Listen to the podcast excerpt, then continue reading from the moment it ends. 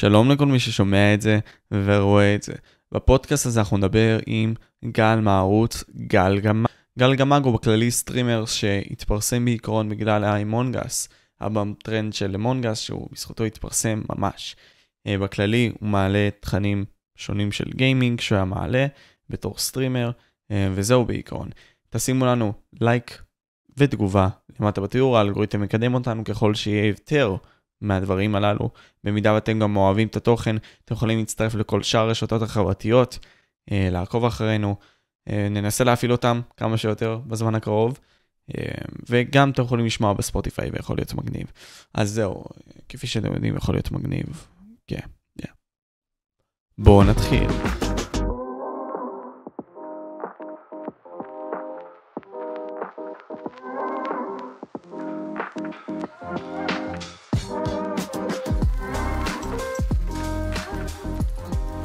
תשמע, אז uh, נתחיל כזה בשאלה גדולה כזאתי. Uh, מה לקח אותך אחורה מיוטיוב? Uh, בכל הזמן הזה ש... מה לקח אותי אחורה מיוטיוב? וואי, כן. זו שאלה טובה. כי התחלת, כי היית בלייבים כזה לפני איזה חצי שנה, כאילו העלית, ופתאום רק חזרת לפני איזה בערך חודש, משהו בסגנון הזה, שלוש שבועות, אז כאילו, תרחיב על זה.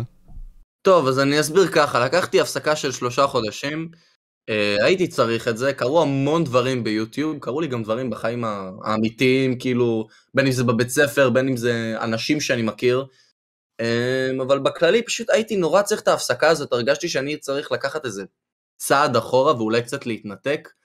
Uh, אני לא ארחיב על זה יותר מדי, קרו דברים ביוטיוב, ואתה יודע את זה, ואני בטוח שרוב מי שרואה את זה יודע את זה, uh, וזה דברים שהרחיקו אותי, זה דברים שפשוט אמרו לי, כאילו, הורידו לי את החשק להתעסק בזה, אתה מבין? הרגשתי שאני פשוט מתעסק בחרא, ושזה... אני פשוט הרגשתי צורך להתרחק, אני לא כל כך יודע להסביר את זה מעבר לזה. פשוט הרגשתי שאני צריך פשוט לקחת צעד אחורה, ואולי לעזוב את זה קצת, כאילו בשבילי, זה אפילו לא קשור כל כך ל... ליוטיוב עצמו, פשוט הרגשתי שאני אני, אני פשוט צריך הפסקה, כאילו, למשך זמן מסוים. זה, אה. זה מה שהרגשתי. וזה בערך מה שהרגשת. אז אתה אומר שההפסקה הזאת היא נטו נבעה מדברים שגם קרו ביוטיוב, שזה מעניין. גם מה ו... שקרה ביוטיוב, גם המון דברים שקרו לי מסביב. והרגשתי שיוטיוב, בוא אני אסביר לך, יוטיוב זה תחרות, יוטיוב אפילו אפשר להגיד זה, זה באמת, זה סוג של מלחמה כזאת, כי אתה כל הזמן צריך לחשוב על תוכן, ואתה, אם בוא נגיד דוגרי, בוא נדבר דוגרי, אתה מתחרה עם עוד המון יוצרי תוכן, ואתה מנסה ליצור תוכן, ואתה מנסה, במיוחד בסצנת הסטרימינג, אתה צריך למשוך צופים ואתה צריך להחזיק אותם למשך זמן. לפי דעתי סטרימינג הרבה יותר קשה מסרטונים. כשאני עשיתי סרטונים כבר באמונגס, אז הייתי יושב, אמנם זה הרבה עבודה, אבל אני, אני חושב באמת שעריכה הרבה יותר קלה ל, לבדר קהל שלם במשך ארבע שעות, ותחשוב שתוך כדי הארבע שעות האלה, לפעמים אתה רואה ירידה בצופים, לפעמים אתה רואה זה, לפעמים אתה רואה, אתה אומר לעצמך, אתה מתחיל לחשוב, רגע, אני עושה משהו לא בסדר, אני לא מעניין, אני לא זה, ותוך כדי שאתה יוצר את התוכן, אתה מקבל את הביקורת כביכול מהקהל שלך. כשאתה מקליט סרטון ואתה עורך אותו, אתה מקבל את הביקורת אחרי זה בתגובות, אתה מבין מה חושבים, מה זה, כמה זה מעניין, לפי הצפיות כביכול. אז לייבים זה הרבה יותר, אפשר להגיד, מלחיץ, לא מלחיץ, אבל יותר, לפי דעתי, פשוט לוקח הרבה יותר אנרגיה. לוקח הרבה יותר אנרגיה ו... אה, בוא נגיד, אה, דורש ממך הרבה יותר מחשבה, לפי דעתי לפחות. זה מה שאני חושב על זה. קודם כל אני מאוד, אני, אני חושב שאני מאוד מסכים איתך ואני אסביר גם למה עכשיו. לייבים אתה לא יכול לתזמן אותם. מה הכוונה לתזמן אותם? אתה לא יכול עכשיו לעשות לייב מתוזמן מראש, אתה בא ועושה את כל התוכן. אתה צריך engagement, אתה צריך להיות עם הקהל. עזוב את זה. shit נפלט, shit נפלט, אין עריכה. נכון, אתה לא זה, אתה פולט shit, אתה אומר דברים שאתה לא צריך להגיד, או שקורים דברים ואתה פתאום מתעצבן, ובוא נגיד אני התעצבנתי, הרבה פעמים התעצבנתי בגלל צופים או דברים כאלה, וזה נשאר פשוט, ואנשים רואים את זה, אתה לא יכול לבוא ולחתוך את זה אחרי זה בעריכה, זה לא עובד ככה. אתה מבין? אז אני אומר שהדבר המאוד מרכזי בלייבים זה הביקורת שאתה מקבל במשך ארבע שעות, או כמה זמן שאתה עושה את הלייב, במשך הזמן הזה שאתה עושה את הלייב, אתה מקבל את הביקורת על הלייב שלך. ותוך כדי שאתה מקבל את הביקורת על הלייב שלך, ואולי אתה מרגיש ירידות, והמון סטרימרים מרגישים ככה, תוך כדי שאתה מקבל את הירידות האלה, אתה צריך להמשיך לעשות את התוכן. וזה לא פשוט, אני יכול להגיד לך שזה מאוד מאוד לא פשוט. כי אני מאוד לוקח את זה למקום כזה שאתה תוך כדי עושה את היצירה שלך, שזה הלייב בסופו של יום, ואתה תוך כדי גם מדבר עם הצופים בצורה מאוד הגיונית. ואתה יודע, בגלל שהרמה שלנו, של הסטרימינג בארץ, לא כזאת גבוהה, ואפשרי להגיד את זה, יכול להיות שאתה תוסיף לזה יותר. אמ, גם עצם העובדה שהסטרימרים הקטנים, בעצם אתה, כל מיני כאלה שהם עדיין סטרימרים, אפילו יותר או פחות, אמ, הם לומדים, ולוקח הרבה זמן ללמוד. אז פתאום כשמישהו רושם להם כזה, הודעה כזאת, וואלה, זה הורס להם את כל התחושה של הלייב, כאילו שלך, נכון. של הבן אדם, של נכון הסטרימר.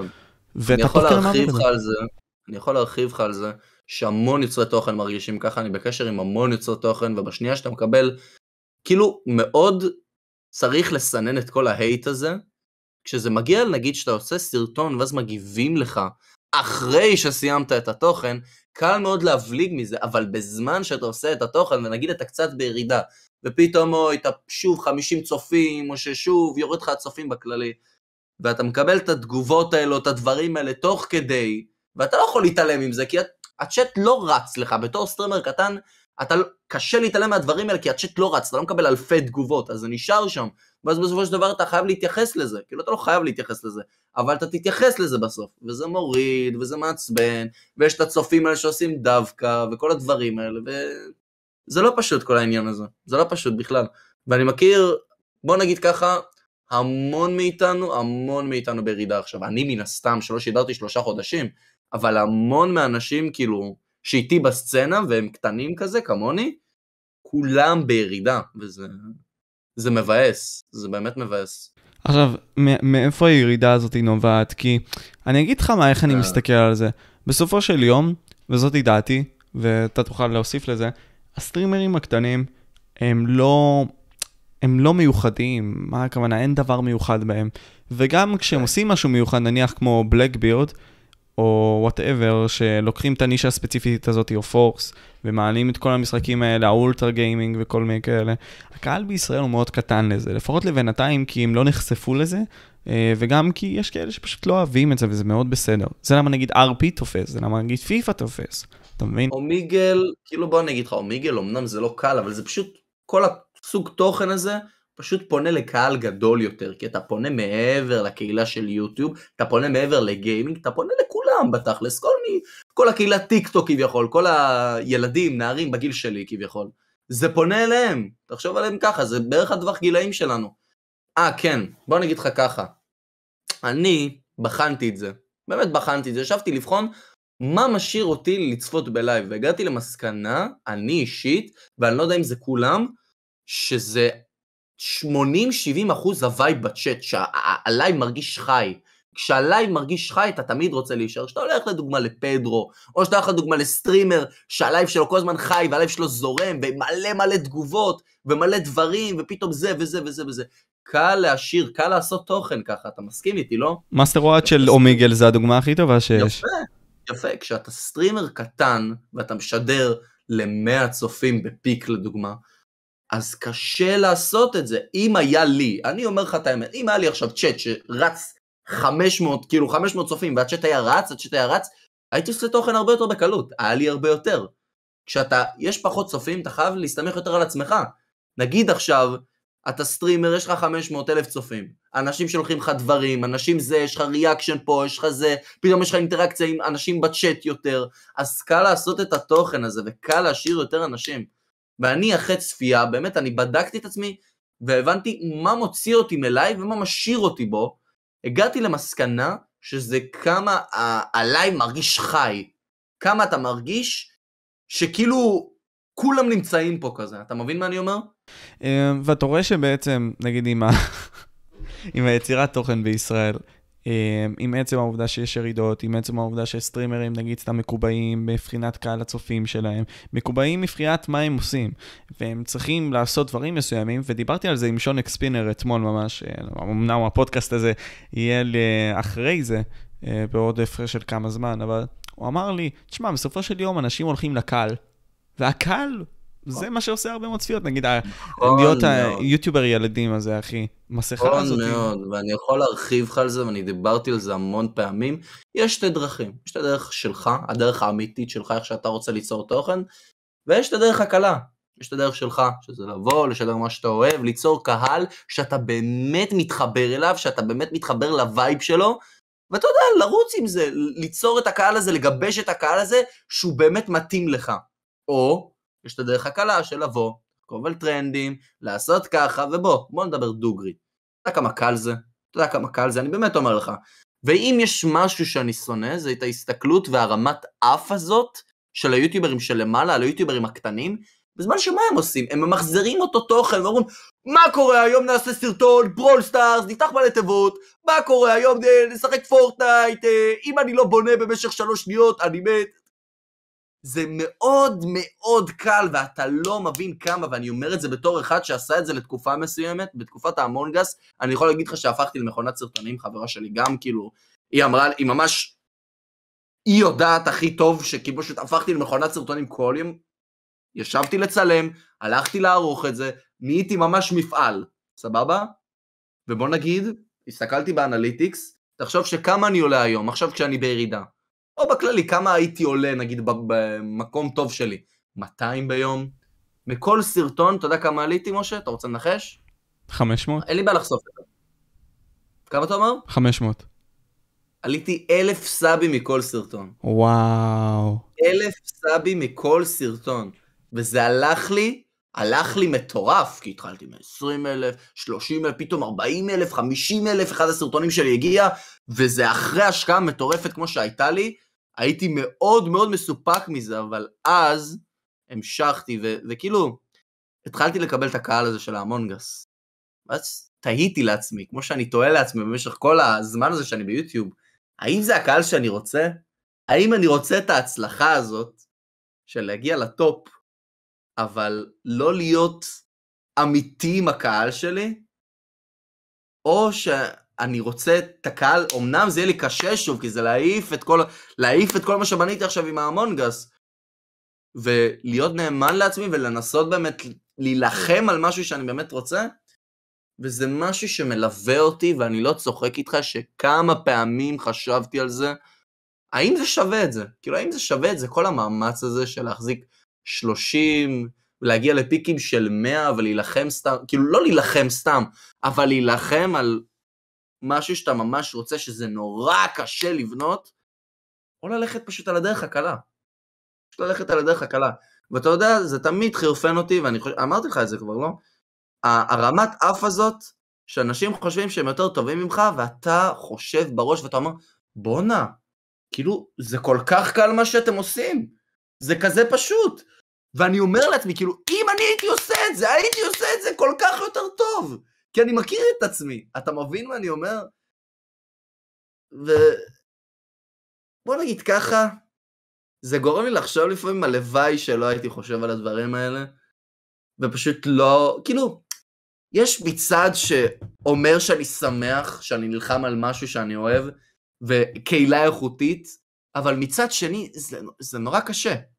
זה נורא קשה, זה time consuming, זה המון סטרס, זה לוקח ממני כל כך הרבה, אתה באמת לא מבין כמה, וזה לא פשוט, אתה יודע, לסיים לייב וזה, ולקבל את הירידות האלה, ולהתמודד עם זה ולנסות לעלות, זה לא קל, זה באמת לא קל. ותמיד היה לי את המחשבה הזאת, כאילו, למה אני פשוט, למה אני פשוט, כאילו, למה אני פשוט חושב על זה? למה, למה אני פשוט חושב על זה? אתה מבין מה אני אומר? כאילו, למה אני פשוט לא יכלתי להיות כמוהם? בוא נגיד ככה, אני אנסח את זה בצורה הזאת. כי זה מאוד לא מפתה. זה מאוד מפתה. אתה מבין? זה מאוד מפתה. למה, למה, לא, למה אני חייב להיות ככה? למה אני לא יכול להיות כמוהם שלא אכפת לי? על אותו עיקרון, ואני ראיתי את האינטרוויו הזה לפני שנכנסתי לך, אמרתי לך את זה גם. למי אמרתי? לאדיר אלעד. Uh, ואדיר, כשאמרת לו את זה, זה היה כל כך כאילו, זה הכה בי מאוד, אבל זה משהו שהוא מתקבל בחיים שלנו. Uh, גם דיברתי על זה עם סול. אתה מבין, הדבר הקל זה הדבר שכולנו עושים. הדבר הקשה זה דבר שמעטים עושים.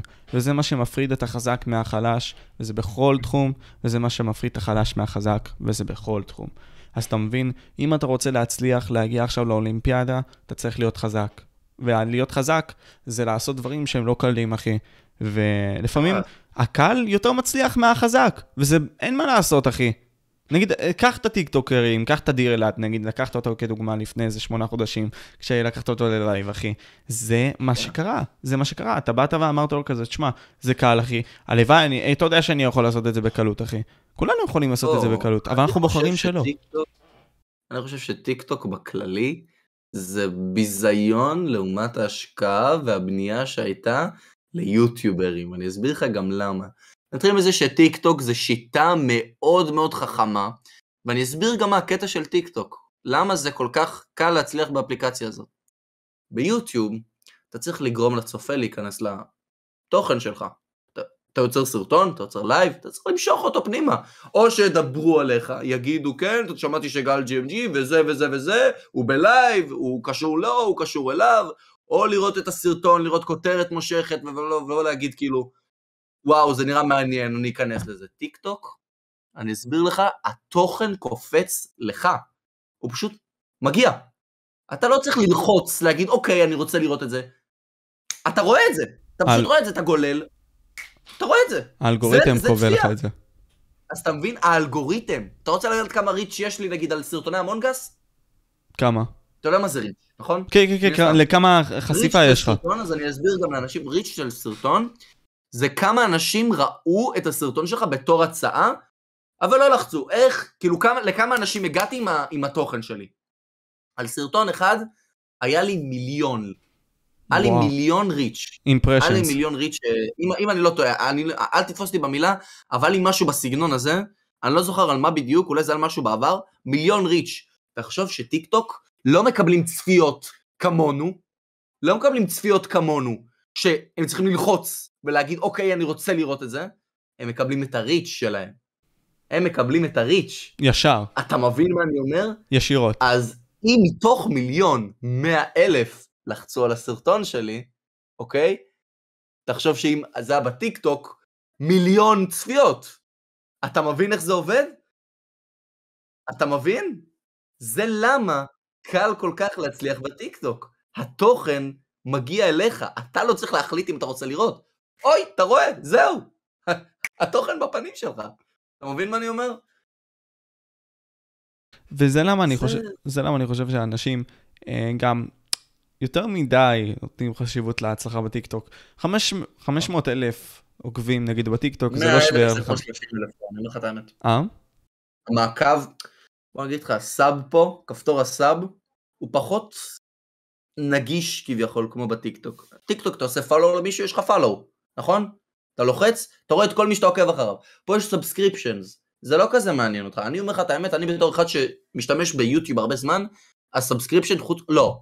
חוץ מזה עכשיו שעכשיו הכניסו שאתה חייב לעשות sub לערוצים מסוימים כדי לכתוב בלייבים וזה, אה, ה sub כאילו כן משמש אותך, אבל ה subscriptions tab לא אפקטיבי לדעתי כמו, כמו הטיקטוק. חד משמעית, הרבה מאוד מהסרטונים גם לא מגיעים, הרבה מאוד אולי מהלייבים לא מגיעים. הפעמון, אבל חוץ מזה, גם הפעמון לא מגיע ל- לרוב הפעמים. גם הפעמון דפוק, אני מסכים איתך.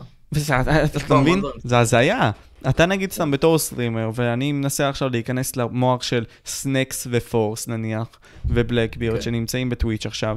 מן הסתם שיותר, וזה משהו שאני רוצה לשאול אותך בתור סטרימר מסוים, שכן מבין את הפלטפורמות הללו, הרי למה שאני בתור סטרימר של יוטיוב יעבור לטוויץ'? עכשיו, מבחינה הגיונית גם, טוויץ' פחות, פחות קהל של אנשים. מוזר. כאילו, אבל מן הסתם שהפלטפורמה יותר טובה לסטרימרים. אה, אני, אני לא מבין את זה. כן. מצד אחד, יוטיוב פלטפורמה. פועל גם פחות טוב מבחינת ה subscriptions והפעמונים. נגיד, אה, אה, הייתי אצל טלורד, לא היה לו פעמונים, אחי, איזה כמה ימים טובים. ואתה רואה, הצ- הצפיות יורדות וצונחות, אחי.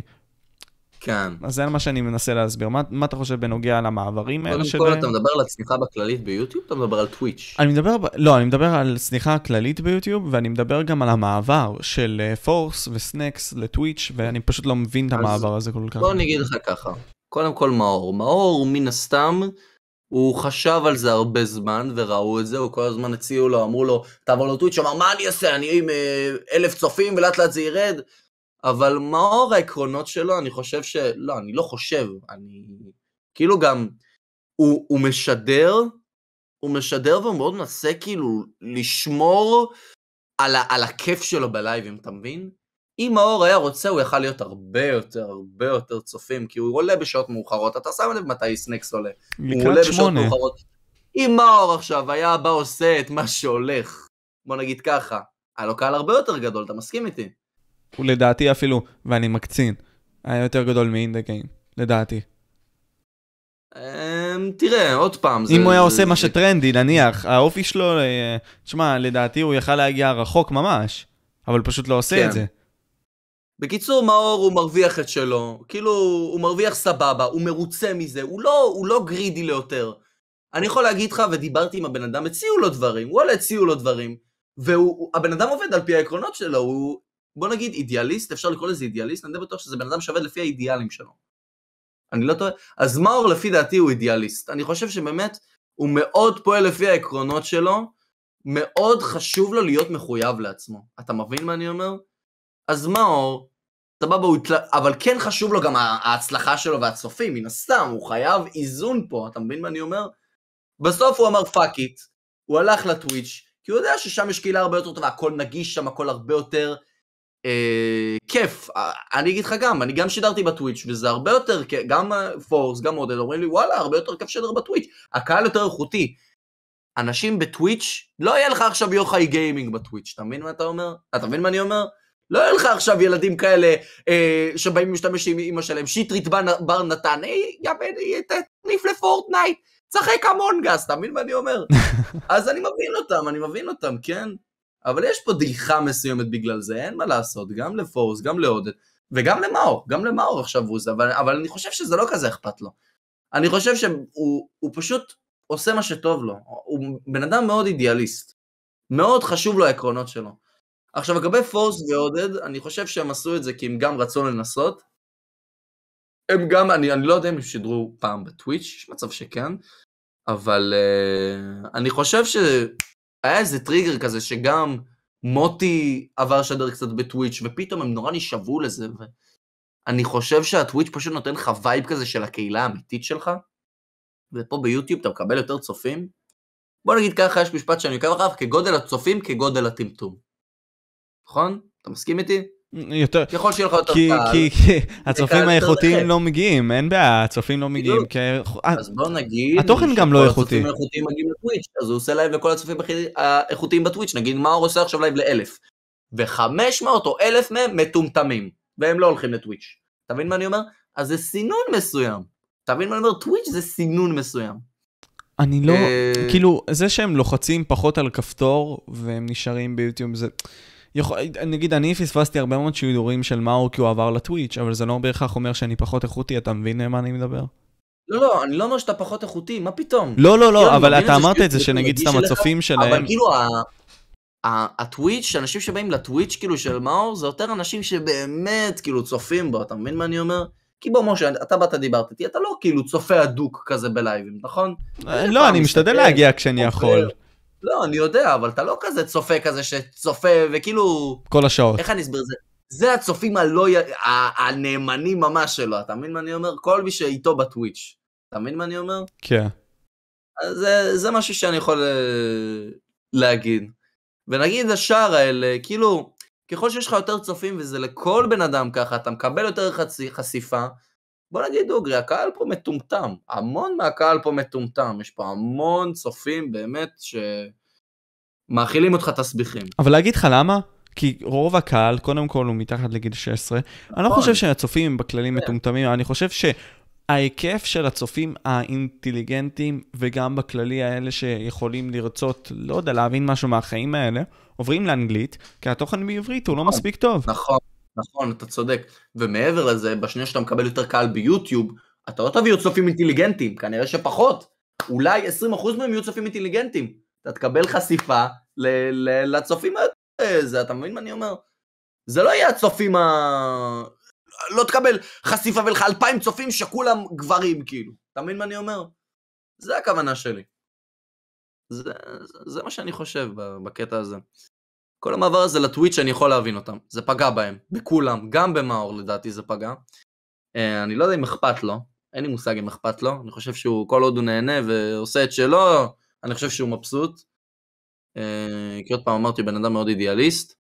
אה, וזהו, עכשיו, אתה יודע, כולם משתקמים כזה, כולם מנסים להשתקם, כולם. גם אני, אחרי הפסקה של שלושה חודשים, אני באמת צריך להשתקם כאילו עכשיו, אתה מבין? ואתה יודע, לפעמים, לפעמים פשוט צריך ללכת עם הזרם, אין, אין כל כך מה לעשות. אתה מבין מה אני אומר? בוא, עכשיו אני עודד ופורס, אנחנו כנראה נשדר יותר ארפי, אין לנו מה לעשות. אומר לך דוגרי, כרגע זה מה ששולט. אני לא יכול לשדר, אחרי שלא שידרתי שלושה חודשים, ללכת לשדר אלדן רינג לדעתי. אני כן, השאלה איך זה יקדם אותי, אתה מבין מה אני אומר? אני לא מסכים עם הטענה שאין מה לעשות, כשיש מה לעשות, כי אני אסביר למה. הרי לך נתונה הבחירה לעשות מה שאתה חושב לעשות, אתה פשוט בוחר לעשות את הדבר ה... ופה אנחנו מגיעים לפונדמנטל, לבסיס. אתה, אתה עושה את הדבר הקל, את הדבר שבהכרח אתה לא, לא אוהב לא, ב-100%. לא, ארפי זה לא קל. אבל אם הייתי הולך על הדבר. הקל, לא, לא הייתי, כאילו, לא הייתי קרוב ל... כאילו, ל-10,000 או משהו כזה. אם הייתי הולך לדבר הקל והייתי ממשיך עם האמונגס, הייתי טס. בוא נדבר איתך דוגרי. גם חמוצי בא, בא אמר לי, כאילו, אמר לי, כאילו, מה, אתה דפוק, למה הפסקת עם האמונגס? יכלת להיות עכשיו 50,000, 60,000, למה הפסקת עם זה? וואלה, אמרתי לו שזה פשוט נגד, כאילו, את העקרונות שלי בעיקרון. והוא לעומתי, אני פחות אכפת לו, אני מבין אותו, כן? וזה בסדר, זה בסדר גמור. זה באמת בסדר גמור. זה, זה בערך מה שאני אומר, אחי. אבל גם אם, ופה אני, המחשבה שלי היא כזאתי, RP זה תוכן שהוא טרנדי, נקודה. זאתי דעתי, אה, ואתה יכול לצדד אותי בזה. בסופו של יום, אתה עושה את זה, ואני לא, לא עושה לך ג'אג'י אחי עכשיו, אבל אנחנו דיברנו על הדבר הקל. אה, אתה עושה את זה כי זה טרנדי, בעיקרון. אם זה לא היה טרנדי, יכול להיות שפעם ב- היית נכנס, אתה מסכים איתי? תראה, תראה, אני בן אדם שנהנה מארפי, מאוד, מאוד. אתה יודע שארפי זה בין הדברים הכי מצחיקים שעשיתי, כי ארפי נותן לי את המקום לבטא את עצמי, לבטא את כל היצירתיות שלי. בין אם זה בדמויות שלי או בסיטואציות שאני עושה, בדברים האלה, אני מאוד נהנה. הסיבה שהתרחקתי מהארפי זה הקהילה. הקהילה בארפי, אה, אי אפשר להתחיל לדבר עליה. בוא נגיד ככה, ואני אמרתי לך, אני אמרתי לך גם את זה לפני זה, אני מרגיש שככל שהזמן עובר, הרמה בארפי, כאילו אנחנו הולכים אחורה באבולוציה בארפי. כאילו, אם פעם היינו אדם, עכשיו אנחנו מתקרבים לכיוון הקוף, אתה מבין? ברמה בארפי. אם פעם הרמה הייתה ככה, היום היא צונחת, צונחת, צונחת. אם התלוננתי על רמה כזאת פעם, היום היא פה. אתה מבין מה אני אומר? ואני דיברתי איתך על זה גם, אני בטוח שאתה יודע על מה אני מדבר. ברור שאני יודע, אני, אני אגיד לך מה, דיברתי על זה גם עם סול בקטנה, אני... פרטיזן, הוא קודם כל, וזה מה שגם סול אומר, הוא צעיר, בסופו של יום, זה עסק, זה וואחד עסק. וכשזה עסק, אחי, איתך. אתה מנסה... אני, אני גם מנסה עכשיו להיכנס ל, לראש של פרטיזן, למרות שאני לא יודע אם אני אצליח, כן? ויכול להיות שאני גם אגזים בדברים שאני אגיד, אבל זה איך שאני אולי הייתי מתנהל, או במחשבה שלי זה היה רץ. תחשוב על זה, אתה מקבל נניח סכום שהוא מעל לחמש ספרות, לא מעל לחמש ספרות, אבל חמש ספרות, בסדר? נניח, בחודש. וכשאתה מקבל חמש ספרות בחודש, אתה רוצה גם להחזיק את השרת. אבל אתה לא יודע אם אתה רוצה לחלק את זה לאנשים, אתה לא רוצה לעשות outsourcing, מה הכוונה outsourcing? לחלק את זה, להשליך את המשימות שלך, המטלות שלך לאנשים אחרים, ולתת להם כסף. כי אתה מאבד מהכסף שלך. ואז יוצר מצב שנגיד סתם פרטיזן פותח 400 טיקטים כל יום נניח, על זה שהשרת שלו פחות, כאילו, עובד טוב, או כל מיני כאלה, יש באגים וכאלה. אז כאילו, אני יכול להבין את אוריאן בזה שוואלה, לוקח לו זמן לעשות את האדפטציה, אבל גם דיברתי על זה עם סול, מה שבונה חברות, אחי, ותסכים איתי, סטארט-אפים האלה למיניהם, יש תמיד את הפייז הזה של העלייה הפסיכית. אבל מה שבעצם הופך חברה מקטנה לגדולה, זה אדפטציה, אחי, לשוק. ואם אתה לא עושה את השינוי הזה, אחי, אתה קורס. אז מה עכשיו זה... הכוונה אדפטציה? אתה יכול להסביר? אדפטציה זה כאילו הסתגלות, אתה מסתגל לסיטואציה, מה הכוונה? נגיד פרטיזן עכשיו, וואלה, הוסיף נגיד ב-Q יותר אנשים, אתה יכול להיכנס יותר לשרת, הכוונה. לא, זה מעולה, אני חושב שזה מעולה, זה מוסיף הרבה מאוד עניין. אבל הוא יכול לקרוס. זה מעולה. אבל הוא יכול לקרוס עכשיו, כי הוא לא, יודע, לא יכול לנהל את העומס שיש עליו. זה, זאת תהיה הטענה שלי ושל... גם, יכול להיות של סול, משהו בסגנון הזה, אבל זאת תהיה הטענה שלי. תראה, אה, ארפי בכללי בארץ יש הרבה בעיות איתו. פעם, בוא נספר לך קצת. DLRP פעם היה שרת כביכול הראשון בארץ, אני לא יודע, אני נכנסתי ל-RP ב-DLRP. אני יכול להגיד לך גם שזה השרת ווייטליסט הראשון שלי שהיה לי בחיים. נכנסתי לשרת הזה, והיה שם רמה מעולה, היה שם רמה באמת מדהימה, והלוואי שהיינו מגרדים את פני השטח של אותה רמה שהייתה ב-DL. אה, כשזה היה חדש, כולם התרגשו סביב זה, היה רמה מטורפת, היה כל כך הרבה הייפ סביב זה. היום, שזה כבר, היו לך כל כך הרבה whitelist ים, היו לך כל כך הרבה whitelist ים, אה, והמון הנהלות והמון דברים שונים, אז העניין ירד. אני אסביר לך בערך מה קרה, היה את DL, ואז רונן איבד עניין ב-DL, שהוא ניהל את DL, ואז DL נסגר, ואז נפתח המון uh, שרתים אחרים, היה את פרטיזן whitelist, והיה את Realistic, ודונאט, והיה את Evolution, uh, והיה את uh, כל אלה, ולאט לאט אנשים יותר איבדו עניין ב-RP, אנשים, שחקנים מאוד טובים, כבר לא משחקים בתכלס. ואני אתן לך דוגמה, מישהו בשם ספייבוטיק, אתה יודע, אתה יודע מי זה? במקרה? לא יודע. שחקן RP מפעם, הוא עשה דמות של... אה, אה, לא, לא, הוא עשה רוסיה קוקסינלית. הוא עשה oh. רוסיה קוקסינלית, יש לה לפעמים יוצא לה קול של גבר כזה. Okay. אוקיי. זה היה דמות מטורפת. הוא היה פעם נחשב ל, לבין השחקנים הכי טובים בארפי. Okay. אוקיי. היום הוא לא משחק, הוא נשבר לו, בכללי הוא גם היה משדר. הוא נשבר לו גם. הוא נשבר לו מהקהילה, כאילו ברמה הזאת. ארפי אה, גורם גם להרבה ריבים, אני יכול להגיד לך, זה גורם להמון ריבים, המון, אה, המון שטויות, המון חברויות התפרקו בגלל ארפי. מה אתה אומר? לא, גם בין יוצרי תוכן, כאילו היו חיכוכים כאלה? המון, המון, אין לך מושג אפילו כמה דרמות יש סביב זה. גם עכשיו? אנשים לפעמים שוברים דמות, ולפעמים מישהו שובר דמות בלייב שלו, ואז אחד יוצא עליו, והוא יוצא עליו בגלל המשחק, כאילו, כביכול. אמ, עכשיו, אני לא יודע כל כך, כאילו, אני, אני גם דיברתי על זה עם פרטיזן באחד הלייבים שלי, ואני אמרתי לו שהרמה פשוט צונחת, הרמה פשוט צונחת. והיו לי הרבה דעות כלפי פרטיזן פעם, כן? היום אין לי טענות כלפיו, אין לי ממש טענות כלפיו. אין לי גם טענות כלפי השרת של הרמה שלו, כן? אני יכול להגיד כמה דברים, לדוגמה, למה יש ילד, יש ילד בשרת שעושה דמות, וואלה, אני אגיד דוגרי, באמת, הדמות שלו של ילד מזעזעת. אם הרמה של ילדים פעם קיובון, אתה יודע מי זה? לא, לא, לא, שבט. קיובון היה עושה דמות של ילד, סבבה, הוא התחיל מזה, אני הייתי האימא שלו בארפי כביכול. לאט לאט הרמה צנחה, עכשיו יש דמויות של ילדים, אוקיי? שעושים פשע. עושים פשע. אני לא בטוח, כאילו, אני לא בטוח אם זה נכון, לפי מה שהבנתי, כן? אני ראיתי משהו בלב, הייתי מזועזע, אמרתי, איך הגענו לזה? ילדים בני 12 שודדים אותך, אחי. המיניות של המשחק שלו נוראית. נוראית. אוקיי? הוא מעורב בפשע, הוא מתלבש כמו גנג. הזוי, כאילו לאן, לאן נעלם כל הדבר הזה? כל אחד רוצה להיות מעורב בפשע, כל אחד רוצה להיות פושע, להיות עם הזין הכי גדול בשרת. אני, אני מרגיש שאני נאבד נורא בנושא הזה, אתה מבין? אני פתאום מאבד כזה נורא את הכיוון שלי, כי פשוט יש לי כל כך הרבה דעות בנושא הזה. איך אפשרי כאילו לשפר את השרת שלו? אני נורא מאבד את הכיוון. איך אפשרי לשפר, איך אפשרי לשפר אז את הרמת RP בארץ לדעתך? כי תקשיב, אני לוקח את איידן רוס סתם כדוגמה, כאחד שמחזיק את ה-RP אולי הכי טוב בעולם, עם כל הראפרים, וזה, יש לזה פוטנציאל ענק. מלא אנשים מפורסמים.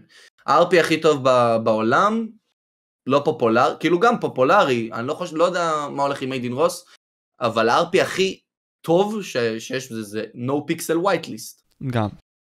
למה זה נו פיקסל, כן? לא, אני שמעתי על זה. נגיד פה, אני אתן לך דוגמה, בנו פיקסל, אתה לא צריך אישור פשע כמו בארץ, כי אנשים סומכים על האנשים שיהיו חכמים ולא יעשו סתם מה שבזין שלהם. אבל הם עוברים וייטליסט. אני אורני אעשה איזה דמות של חנון או משהו כזה, או מישהו שלא מתאים, או שלא טוב מספיק לפשע, או שאין לו ארפי מספיק טוב. יעשה פתאום פשעים ויאיים פתאום על מישהו ש- ש- שהוא לא אמור. אתה מבין מה אני אומר? זה, זה, זה, אין ממש דרך לתקן את זה, אפשר לצמצם נזקים, ואני אומר לך את האמת. כן, אפשר פשוט לצמצם נזקים, אפשר לצמצם את זה, אין לך דרך לתקן את זה, בוא. השרת הפך לאלאוליסט, מה זה אלאוליסט, משה? אלאוליסט זה שכולם יכולים להיכנס. יכולים להיכנס. מה תעשה? איך תאכוף רמה בפאבליק? איך? אי אפשר, אבל אה, אה, אתה יודע מה, יש לי כן דרך. אתה יכול לעשות white list לא סטריקטיב, אחי, כי אתה יכול פשוט לבוא, למנות אנשים. אנשים מזיין ל-white list יותר. ואני אגיד לך את האמת, עכשיו שיש לך 180 שחקנים בשרת בו זמנית, השרת מרגיש חי. השרת מרגיש חי כמו לא, לא יודע מה. פעם שהייתי נכנס לארפי, היו 32 שחקנים, אתה הולך, ועד שאתה מוצא מישהו, ועד שאתה זה, ואותם אנשים, הבעיה בווייטליסט זה אותם אנשים גם, אתה מבין? ואז אתה מאבד קצת עניין ואתה מכיר כבר את כולם, ואתה מתחיל למחזר את הסיטואציות שלך.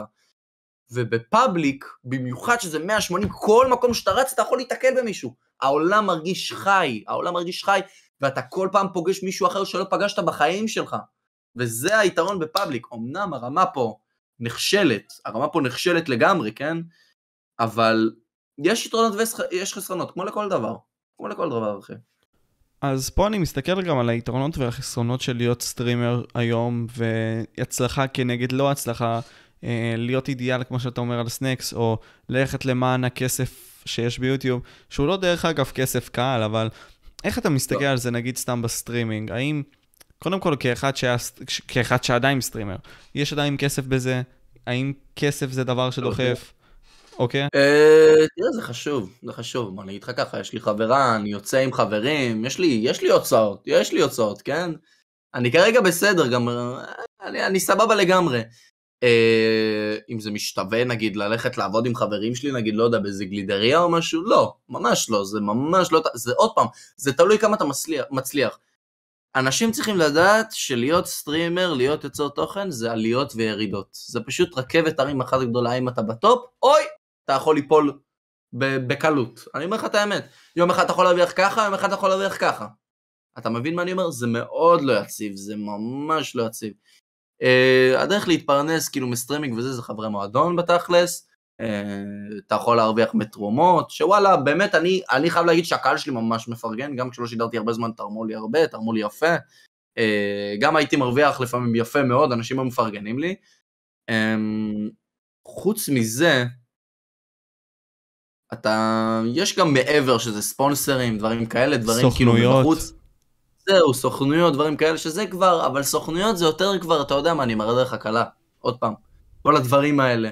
אין סוכנויות שיקבלו עכשיו מישהו שהוא לא PG, נניח שהוא לא פמילי פרנדלי, בוא נגיד ככה. הם פחות מעדיפים להתעסק עם זה. כאילו, היום כן, אני חושב שיש כמה... רונן היה ב Finest. הוא נכנס ל Finest, אבל זה, כאילו... סנקס זה סנקס, בוא, סנקס זה סנקס. יש את הארגון הקטן הזה של... איך קוראים להם? Playtime? ש-IGZ נכנס? שאני לא יודע מה הולך עם זה, אין לי מושג, אבל חוץ מזה, אין לי מושג, כאילו, ב-10,000 במקום הזה, אני לא יודע כמה זה, אתה פשוט צריך נורא להילחם על זה. החברות לא בדיוק יפנו אליך כשאתה בסדר גודל כזה, הם מעדיפים לפנות לאנשים הכי גדולים, אתה מבין? והאם יש הצעות טובות כשאתה מגיע לטופ? ביוטיוב בישראל? אני אדבר איתך דוגרי, אני אדבר איתך דוגרי. אה, שילמו לי מספר פעמים כדי לשרת, לשר, לשרת, לשדר שרתי RP. וואו. זה משהו ש, שהיה לי, ומשם הרווחתי דווקא סבבה. חוץ מזה, אה, אני לא יודע, אני לא קיבלתי יותר מדי פניות. אני לא זוכר גם, אני לא יכול להגיד לך עכשיו אם קיבלתי זה או משהו כזה, אה, אבל היו לי כמה דברים, היו לי כמה דברים, לא עכשיו עם חברות או משהו כזה או דבר כזה. אה, אבל היה לי פה ושם. עוד פעם, זה קשה מאוד להשיג דברים בסדר גודל הזה. אלא אם כן אתה פשוט בא ואתה מתחיל אה, להיות בקשרים עם אנשים, והוא מסדר לך את זה, ואתה מדבר איתו, ואתה צריך לדבר איתו, ואז הוא מסדר לך דברים, אתה מבין מה אני אומר? אז מה הצד הטוב בלהיות סטרימר, כאילו, מה ה upside של זה? כי וואלה, אם אתה משקיע, כמו שאתה אומר, וזה, אתה, בוא נתאר את ה scenario הכי גרוע. אתה משקיע כמעט כל יום, אתה נכנס ללייבים לפחות פעם אחת בשבוע, מינימום, או פעמיים בשבוע. אתה נכנסת בכלל הרבה מאוד פעמים, פורס נכנס כמעט כל יום. אתה מבין? ניקח את המקרה של פורס נניח. נכנס כל יום, מנסה לשדר משהו, וזה לפעמים מצליח, לפעמים פחות. עליות וירידות constantly, כמו שאתה אמרת בתחילת השיחה. אה, יש אנשים שנותנים לך ביקורות תוך כדי, אז כאילו ה mood swing שלך יכול להיות מפה לפה. אה, מה, מה הדברים הטובים אז בלהיות סטרימר? מה, מה זה שווה בסופו של דבר להיות אחד כזה? אפילו אם אני רוצה. אתה מדבר סטרימר בכללי, כאילו איך שאני מנסה, או פורס, או... סטרימר בישראל, סטרימר זה ב... לא משנה עכשיו, מצידי להיות uh, רונן, כמו רונן, או כמו סנקס, או כמו טווילה, או כמוך, whatever. ה vibe, ה vibe. אם יש לך צ'אט יציב, ויש לך איזה אלף צופים, או משהו מאוד יציב כזה, ואתה מרגיש את כל הצ'אט חי, ואתה יוצר תוכן, זה ה vibe שלך עם הצ'אט, שאתה בא ואומר, היי, תראו את זה וזה, ומדבר, ואתה מקבל, אתה מדבר עם אנשים תוך כדי, ויש לך אינטראקציה עם הצ'אט, שזה מה שמחזיק את הלייב, אז זה מה שכיף, זה באמת כיף, כשיש לך נגיד אה, כמות צופים כזאת. אני יכול להגיד לך שאתה כאילו אומר עכשיו שאנחנו בירידות, אבל כולנו, כולנו, כאילו גם פורס, גם עודד, כולנו גם היינו למעלה, אתה שוכח את זה. פורס החזיק 300-500 צופים, אני הייתי מחזיק 300-400 צופים, אפילו 500, אה, או באמונגס, או שאתה זוכר כשהתחלתי את הסימולטורים, אתה היית בתקופה הזאת? את הסימולטורים פחות הייתי, אבל כן ראיתי את הדברים האלה שעשית. כן, אז הייתי עושה סימולטורים, הבאתי משחקים שאף אחד לא הכיר בארץ, אף אחד לא שידר אותם בחיים. אני כאילו התחלתי את זה, פתאום אתה קולט 170 צופים, פתאום, ותחשוב שבתקופה הזאת הייתי 90 צופים בפיק, בפיק הייתי 90 צופים. אמ, ואז פתאום התחלתי להיות 170 צופים, ואז 200 צופים, ואז פתאום 300 צופים, ואז זה מביא עוד משהו, ועוד משהו, ועוד משהו, ועוד משהו. אה, והייתי למעלה. אני אגיד לך את האמת, אחת הסיבות שהפסקתי, כי שזה הרגיש לי מאוד רפטטיבי. והמון אנשים אחרים היו, היו הם אה, הולכים, עושים כאילו אחרת במקומי. היו פשוט ממשיכים את זה, אה, פשוט נושכים את הלשון שלהם. אבל אני, אני מרגיש ש, שיש לי אידיאל, כאילו אני מרגיש שכן יש לי עקרונות, אתה מבין מה אני אומר? ואני, אה, אה, נורא מהדהדות לי בראש כזה. יש לי עקרונות שכאילו, אני חושב על משהו, ואז הן כאילו נותנות לי איזה, איזה מכה כזאת ומזכירות לי מה, מה אני חושב באמת. כאילו, ומה אני באמת רוצה. כן, אתה מבין? אז אני, אני כאילו, מנס... כן. רגע, אנחנו בירידה. אוקיי. Uh, אתה ממשיך כי אתה חושב על זה של אוקיי, בוא ננסה להתרומם. אתה לא רוצה לעצור, אתה רוצה להמשיך עם זה, אם אתה נהנה מזה. אתה רוצה להמשיך, אתה רוצה לחזור למה שהיית גם. אז רגע, השאיפה שלך בתור סטרימר זה להגיע הכי רחוק שיש? השאיפה שלי זה ליצור קהל, אה, פשוט קהל שיתמוך בי בכל מצב. זה, זה מה שאני רוצה בתכלס. אבל מה זה יעזור לך? אני רוצה קהל, אני רוצה צ'אט חי, אני רוצה... אתה יודע, אני, אני בסופו של דבר רוצה פשוט קהל נאמן. אני רוצה קהל אינטליגנט, זה חשוב לי, זה חשוב לי. אני לא רוצה קהל אה, ילדותי, או קהל אה, כביכול, אני רוצה שרוב הקהילה שלי תהיה באמת אינטליגנטית. Um, אני רוצה vibe טוב עם כאילו עם הצ'אט, דברים כאלה. בכללי שיהיו נאמנים, זה כל מה שסטרימר רוצה בסוף, נאמנות וצ'אט נורמלי. זה כל מה שסטרימר רוצה בסופו של דבר. אבל, נכון, אבל מה...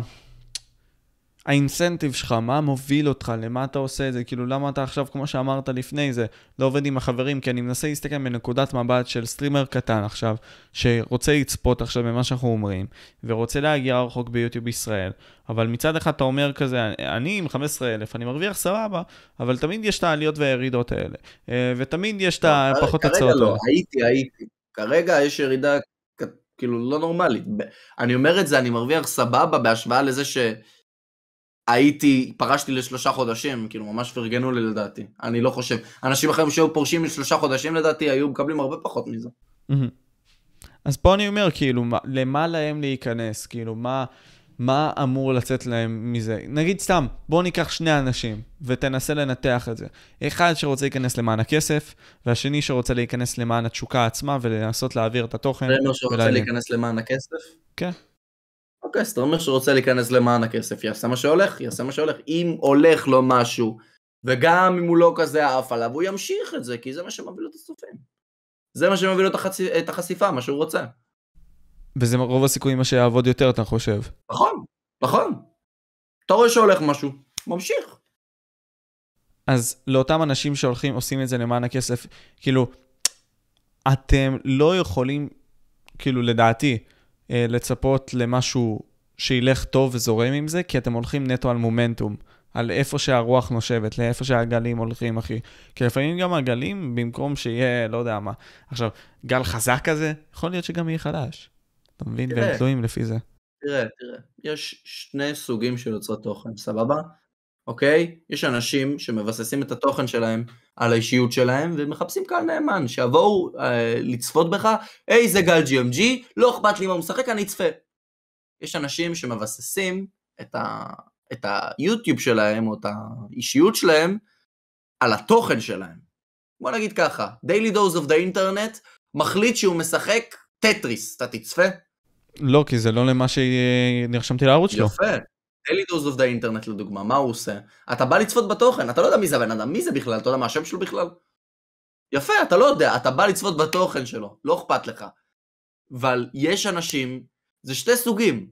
יש כאלה שאתה בא לצפות בתוכן שלהם, יש כאלה שאתה בא לצפות בסטרימר. אז עוד פעם, כל אחד יכול לבחור מה שהוא רוצה. ומה לדעתך ה streamer האידיאלי? כאילו, למה streamer צריך לשאוף? האידיאל לדעתי אישיות, חד משמעית. שהוא מה? אישיות, אחד שמנסה להביא אנשים בגלל ש... שיצפו בי בגלל שאני גל GMG, ולא בגלל שיש עונה חדשה ב Among Us. ומי הכי קרוב לזה בארץ לדעתך? מאור, חד משמעית. כן. מאור הכי במקום הזה, הוא יכול לשחק ממש בזין שלו. ולבטא את האישיות שלו. במקסימום? מה אתה אומר? ולבטא את עצמו במקסימום גם, תוך כדי. בצורה, כן, כן, הוא מבטא את עצמו כל הזמן. אז עם זה, נגיד סתם איזה טיפים יש לך לסטרימרים, ואחרי זה גם תיתן ליוצרי תוכן ביוטיוב, כי השאלה מה אתם רוצים, עוד פעם, אני בן אדם ש... אני חושב שאחד מהסיבות שנורא קשה לי להתקדם, זה שאני מאוד הפכפך. אני לא, אני מאוד זיגזגתי, בוא נגיד ככה. הייתי באמונגס, הייתי פה, הייתי בזה, הייתי בזה, הייתי בזה, אתה מבין? ואז הקהל שלי בנוי משני דברים שונים. הצופים האלה. המון צופים שקיבלתי, שאני פחות רוצה, והקהל הזה שאני כן רוצה. אתה מבין מה אני אומר? תחליטו מה אתם רוצים לעשות. אתם רוצים לעשות צפיות, אתם רוצים לעשות כסף, אתם רוצים להתקדם ושידעו כולם מי אתם, או שאתם רוצים לבנות קהל שיבוא בגלל האישיות שלכם, בגלל מי שאתם, ופשוט תחליטו. אבל זה גם לא הדרך הכי רווחית לעשות את זה, לפרסם את השם שלך, להיות סטרימר. מה זאת אומרת? כאילו אם אני עכשיו רוצה ל- להעלל את השם שלי, סבבה, אז נניח. זה תוכן. הכי קל זה פשוט להתבסס על התוכן שלך. לא קל לשכנע אנשים לבוא לצפות בך, היי זה גל GMG אני אצפה בו.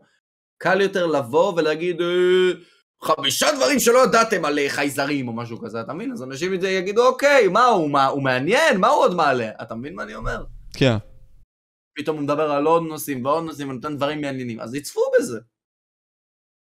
אז עוד פעם, יש כל כך הרבה סוגים ואתה פשוט צריך להחליט. צריך להחליט מה טוב לך. אני יכול לכוון אותך, כאילו אם אתה... תן לי דוגמה נגיד, ל... אני, אני יכול לתת עוד טיפים כאילו בסגנון, פשוט תכוון אותי. בוא, בוא ננסה לקחת את זה לשם. יש אחד שרוצה להיות יוטיובר של... אה, לא יודע, נושאים שהם לא בהכרח כאילו בנישה הברורה הזאת של פיפא נניח, או GTRP וכל מיני כאלה, רוצה נגיד לעשות מדעי המח... לא, יוטיובר נישתי, תהיה יוטיובר נישתי, אבל אל, תצפ... אל תצפה שאם אתה תהיה אלף צופים ב-RP, או שתהיה אלף צופים בפיפא, תהיה... תהיה- אל תצפה שתהיה אותם צופים ושתשחק נגיד משהו כמו אלדן רינג או רוקט ליג או לא יודע מה. הצופים שלך ירדו, כי אתה נישתי, הם צפו בגלל מה שעשית, בגלל המשחק הספציפי הזה. אתה מתמגנט למשחק. בוא נגיד דוגמה, סבבה? אה, תן לי שם של YouTuber נישתי לדוגמה. אה, אה, ארז גבאי בוטיניו, ניקח את ה YouTuber פיפא, כי זה, זה קל יותר. סבבה, יוטיוברים של פיפא, סבבה? כמה מחזיקים ב live? 1,200, 1,000, 2,000, נכון? כן, מגיעים לזה. באמת עכשיו להם. הם עוברים לשחק... עוברים לשחק... טוב, דווקא זה קרה. RP זה קרה, נגיד סתם שהם עוברים פח- הצופים? יורדים. הצופים יורדים. אז זה מה שקורה. עוד פעם, כשאתה נישתי, אתה לא יכול לבוא ולהתלונן שלך צופים במשהו אחר. אם אתה מתמקד על משהו אחד ואתה בונה את הקהל שלך על משהו אחד, אל תצפה שהם ירצו לראות כל כך משהו אחר. אבל זה מרתק אותי, כי, תשמע, אה, מבחינת בוטיניו וארז, כי, כאילו, אתה מכיר את האישיות, כיף לך באישיות, אבל בסופו של יום, גם אם אתה רוצה לצאת מהנישה, זה ייקח ממך הרבה מאוד, וזה כאילו מבחן למעשה.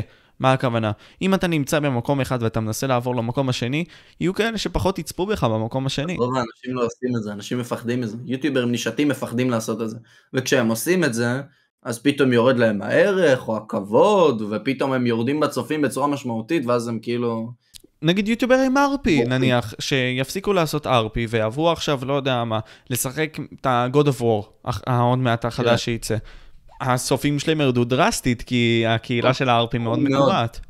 נכון מאוד. אני אישית, אני אגיד לך מה, ב-DL, אם הייתי משדר, כנראה שהייתי הרבה יותר כאילו גדול עכשיו, אבל ב-DLRP הראשון לא, לא יכלתי לשדר בגלל שהיה לי מחשב לא משהו. אמ, אבל שידרתי מדי פעם וזה, ואז עברתי לדברים אחרים. וזה לא היה אותם צופים, זה לא אותם צופים בכלל. אתה לא יכול לצפות ש... שזה... אני הצלחתי לברוח משם, כן? אבל לא קיבלתי אותו דבר, אתה מבין מה אני אומר? כן היה לי ירידה, חד משמעית.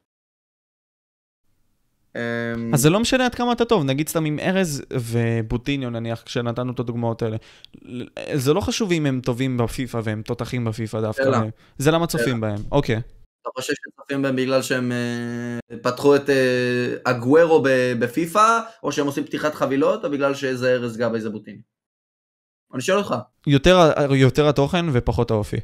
וזה לא משנה, יותר התוכן וכמה כמה אחוזים בערך? זה מאוד מתחלק בין streamer ל streamer, אבל בוא ננסה נגיד 60-40, 60-40 אתה אומר? או 70-30. אוקיי, אוקיי. מה אתה חושב? מה אני חושב?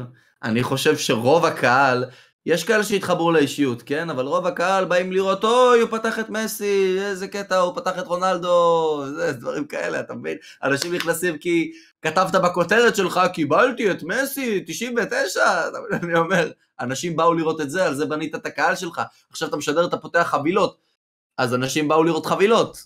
כאילו, אתה מבין מה אני אומר? אולי, אני, אני לא יודע, יש מצב אני טועה פה, כן? אנשים כן כנראה התמגנטו לאופי שלך, על הדרך, אבל זה יהיה איזה 70-30, אני מסכים איתך. זה יהיה איזה 70-30. לא, בוא נגיד ככה, זה לא, הצפיות מראות את זה. כי אם עכשיו יוטיובר של פיפא ילך וישחק משהו, ויסתמך על האישיות שלו, אתה תראה את הירידה הזאת. כן, אבל זה כי. יש, יש בסטרימרים, וזה לא, לא קשור רק לפיפא, זה גם ב-RP, שיותר נכנסים למסכה הזאת של הדמות שלהם אה, ועושים אותה, ופחות מראים את הצד שלהם, ובהתאם לכך האחוזים משתנים. אז נגיד בוטיניו נ- נניח, אה, לדעתי יכול לעשות switch יותר קל מאשר יוטיוברים RP שעושים דמויות מסוימות. כי אתה צופה בדמות, ואתה צופה במה שהם עושים, אתה מבין? בהתנהלות שלהם. אז אם עכשיו, אה, נניח בוטיניו עכשיו יעבור לתוכן של נניח, לא יודע מה, whatever, בסדר? ילך לכדורגל אמיתי במקום פיפא, או יעשה ספורט, בסדר, נניח. תראו לזה, כי זה דומה מאוד. אז אוקיי, מאוד דומה. אפילו אם הוא יעשה סוויץ' לפורטנייט, בסדר? נגיד הוא יעשה סוויץ' לפורטנייט, עכשיו, כשהמשחק עדיין לא, לא טרנדי, בסדר? עדיין יצפו בו כי הוא בוטיניו, כי הוא אחלה גבר.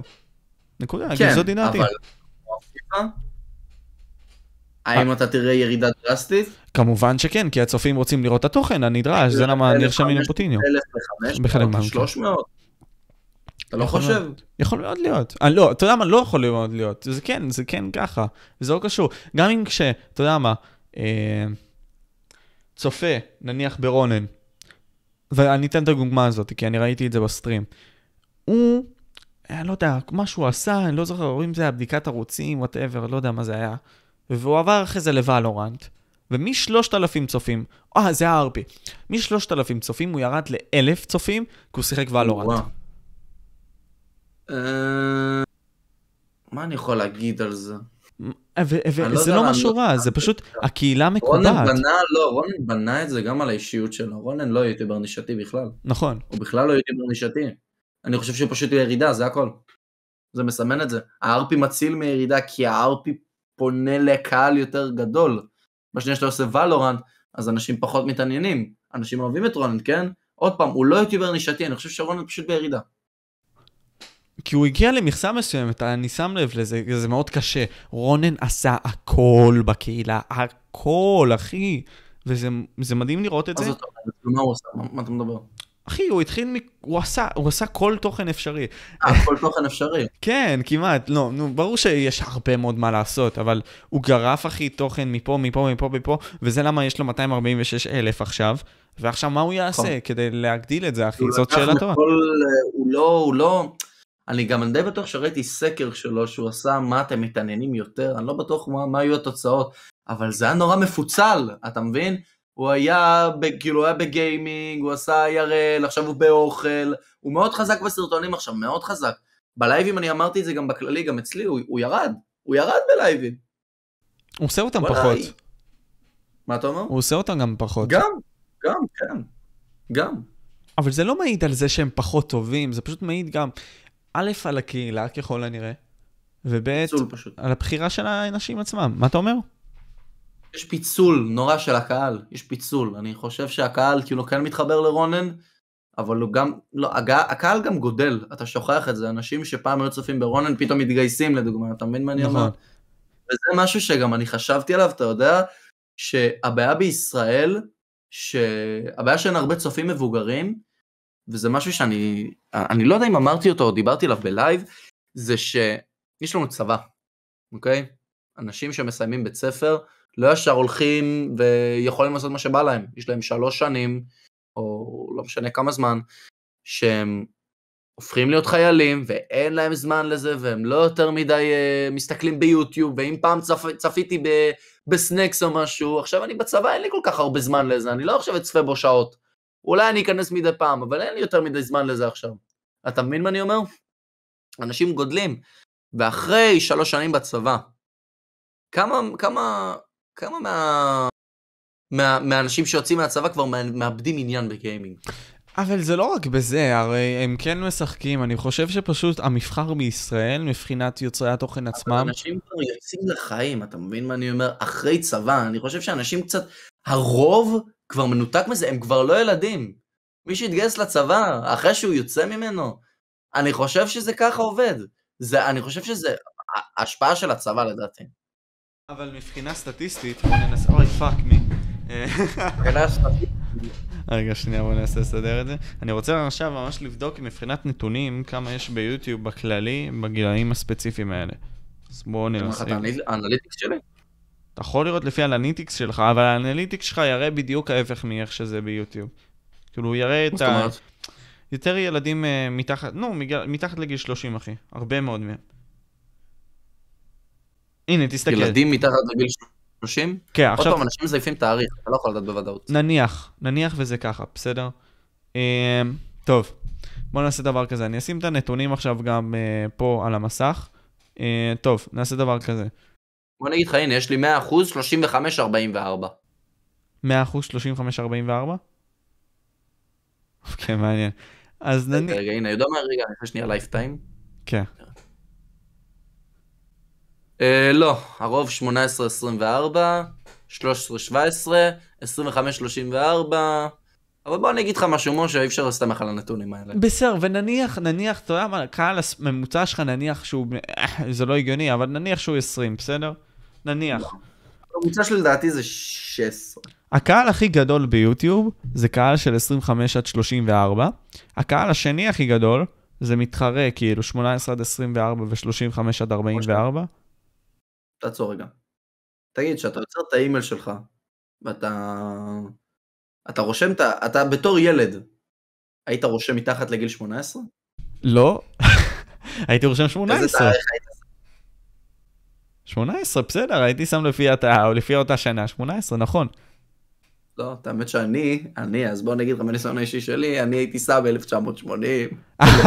אוקיי, להבטיח לך את זה. כי זה הכי קל אף אחד לחשוב, אז אפשר שמים זה. אני חושב שביוטיוב ישראל, אם אתה מדבר על ישראל, הממוצע פה, הרוב פה ילדים, משה. 70 אחוז ילדים לדעתי. 70 אחוז ילדים והשאר גילי 16, יש לך נדיר שיש לך איזה בני 20, כי כולם, אם אתה רוצה לראות תוכן, למה שאתה לא תעבור לטוויץ'? מה יש לך כוח ל, ל, לקרקס שהולך פה לפעמים? אז זה הבעיה, וזה מה שאני חושב שחשוב לצופים להבין עכשיו. אתם יכולים ליצור את הקהילה הבאה. מה הכוונה? אם עכשיו אנשים יתפסו נישה של אה, אנשים מבוגרים, נניח על נושאים באמת עמוקים, כמו פסיכולוגיה, פילוסופיה, מדעי המחשב, ווטאבר, ווטאבר, אוקיי? אתם יכולים להצליח וליצור את העתיד של הקהילה, וזה כמובן ייקח זמן, אבל... אה? לא הבנתי, למה אתה מתכוון? אמרתי שהם צריכים להתפקס בנישות שאין בהם כלום בכלל, או כמעט וכלום, ולהתרכז בהם. נגיד יש את אלכס צייטלין, אני לא יודע אם אתה שמעת עליו, אבל הוא עשה איזשהו פרויקט שקוראים לו באים אל הפרופסורים. והוא מביא פרופסורים ודוקטורים ומראיין אותם על בסיס קבוע. והקהל שלו הגיע ל-25,000. אז סימן לכך שאנטיקות... וכמה. אמהות פייסבוק יש שם בתגובות? בסדר, אין בעיה, וגם אם יש, נניח ויש, בסדר? אתה יכול ליצור לעצמך את מי שעכשיו בן 15, עוד 10 שנה, עוד 5 שנים, יתעניין בתוכן הזה, או יתעניין בתוכן אחר. שירצ... מה אתה מציע פה בעצם? כאילו אני, מה... אני מציע, וזאתי דעתי, ותרחיב לי על זה, אה, שמי שעכשיו רוצה להצליח ורוצה ליצור תוכן יותר טוב, מה הבעיה?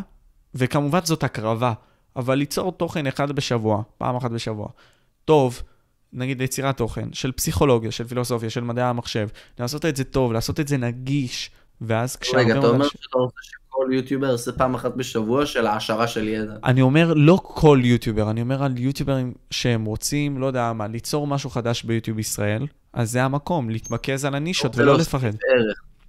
בדיוק, ולא לפחד, כי אין, אין, זה לא, זה לא יקרה בחיים, כאילו אני, אני מצטער לנפץ לך את הזה, אתה לא נראה לי שם לב מי הקהל שנמצא פה, אני לא ארחיב על זה, סבבה, זה לא יקרה בחיים. אבל מה עם הדרך אתה לא הקלה? עכשיו- הדרך אתה הקלה. לא עכשיו תבוא לדוגמה, סתם, כאילו, אותו דבר עכשיו לדיוויד, תגיד לו, שומע, ת, תעלה מדי פעם, דבר על פסיכולוגיה, על לא זיגמנד זה. פרויד. לא זה, אני מדבר איתך על הדרך הקלה נניח, שיהיו עוד כמה הדרך הקלה. מה זה, ה- הדרך הקלה? אתה לא מכיר את הערוץ? אתה לא יכול, אנשים לא יעשו תוכן כזה סתם ככה, כאילו, אני, אני, אני מנסה להבין אותך, כאילו, לא, לא, פשוט, זה לא יעבוד. אני אומר לך, אין לי, אני לא, אני לא יודע להתחיל אפילו להסביר את זה, זה פשוט לא יעבוד. זה לא יעבוד. גל, אתה יכול שנייה יותר כזה להתיישר בקטנה? אה, כן, סליחה. כן, כן, הכל טוב. אמ, אני אגיד לך מה, אני מתכוון לזה ככה. נניח ואני, בסדר? לי יש את הפוטנציאל לעשות משהו בסגנון הזה. אנשים מפחדים, אתה יודע מה, אני אתן לך מין סוג של הצצה לחיים האישיים שלי. יש לי חבר שהלך ל-8200, בסדר? ואמר לי, תקשיב, משה, אני רוצה לעשות תוכן של מדעי המחשב ביוטיוב. אמרתי כזה, פיין, good as fuck, למה שאתה לא תעשה את זה? הוא אמר לי, תשמע, אני יודע שאני לא אקבל חשיפה, אחי, ואני לא רוצה את זה. אז אתה מבין, אנשים מפחדים, וזה מאוד הגיוני. אתה לא תקבל מזה כסף. הקהל הוא מאוד מצומצם. אבל אם אנשים ייקחו את ההקרבה הזאת, ויהיו כאלה לפי אה, משל האוטובוס, שיקחו את הסיכון, שלא ישלמו נגיד סתם על האוטובוס, שיקחו את הסיכון הזה שאולי יתפסו אותם, ונניח במקרה הזה, נניח שהוא לא יצליח, אם יהיו הרבה כאלה פורצי דרך, הקהילה תהיה יותר טובה. יותר מגוון, יותר אפשרות, יותר ייכנסו לקהילה הישראלית. מבין שהקהל זה לא, תעשה תוכן כזה לפייסבוק, קהל ביוטיוב פה זה ילדים. אני אסביר לך את זה שוב. יש פה מקום, יש פה מקום כזה שפתאום מישהו מחפש מדעי המחשב, אז יש מצב הוא ימצא את הסרטון של חבר שלך. אתה מבין מה אני אומר? זה כן יכול לעבוד, פשוט לא לקהל של הסטרימינג וכל זה. הקהל זה לא הרחב. קהל שבא בעיה. כאב שלו, זה קהל שבא לצחוק ולראות שטויות, אחי. אין בעיה, אבל הקהל הזה, האינטליגנטי, יחזור לישראל, זה העניין. ברור שיש יותר זהו, מבחן באנגלית. מעבר, אני אגיד לך, כל מה שאתה יכול למצוא פה, אתה יכול למצוא בחו"ל. אני בתור אחד, אני לא אחפש מדריך, לדוגמה עכשיו אני רוצה להתקין איזה משחק, סבבה? אני לא אחפש איך להתקין GTA V, אני אחפש how to uh, download GTA V, אני אחפש באנגלית, כי יש שם database יותר גדול, יש סיכוי שאני אחסוך לעצמי הרבה זמן. לכאורה. מה הסיכוי אני אמצא מדריך איך אה, אה, להתקין GTA הזה, וזה יצא לי פתאום איזה ילד או משהו כזה, ויתחיל לזיין לי את המוח, אחי. כאילו, אתה מבין? אני תמיד ארצה לפנות לקהל הגדול יותר, לקהל המקצועי יותר. וזה הגיוני לגמרי. כל בן אדם הגיוני יבוא ויחפש משהו באנגלית, ורק אז הוא יחפש משהו בעברית. Mm. אז מה לדעתך חסר בקהילה הישראלית? עוד פעם, הקהל שלך זה קהל מאוד מיוחד, משה, לא ראיתי קהל כזה בחיים. אתה השגת לעצמך קהל שמתעדכן, כאילו, מתעניין גם בפדיקסול, ומה קרה עם fans שלו, וגם בדוקטור מרדכי קידר, אחי. אז יש לך אימהות פייסבוק פה, ויש לך פה סוגים של יוטיוב, ויש לך פה מכל הסוגים. ועוד לא התחלתי. לפרסם בפייסבוק. בכל הסוגים. יכול להיות שצופה של פדיקסול, לא, לא יעניין אותו דוקטור מרדכי קידר, אבל מישהו ש... אה, אימא ש... ש... אה, ראתה את הרעיון שלך עם דוקטור מרדכי קידר, כן, לא יעניין אותה פדיקסול, אתה מבין מה אני אומר? כן. אתה יצרת פה סוגיה נורא מעניינת. מאוד מעניין מה שיצרת פה, אני לא אשקר, אני בחיים לא ראיתי קהל כזה. כל התגובות שלך זה מקסים, איזה יופי. איזה יופי של רעיון, היה פשוט מעניין.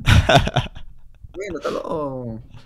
אבל זה מה... נורא מעניין הקהילה שלך, זה נורא מעניין.